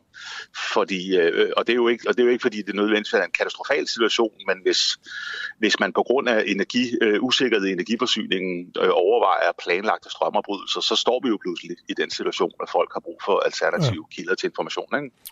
Okay, Mikkel Skov øh, Petersen, du er surhavende journalist på, øh, på K-Forum. Yes. Tak for at skrive om den her sag og være med her til morgen. Jamen, velbekomme og rigtig god dag. I lige måde. Hej hej. Godt. Hej.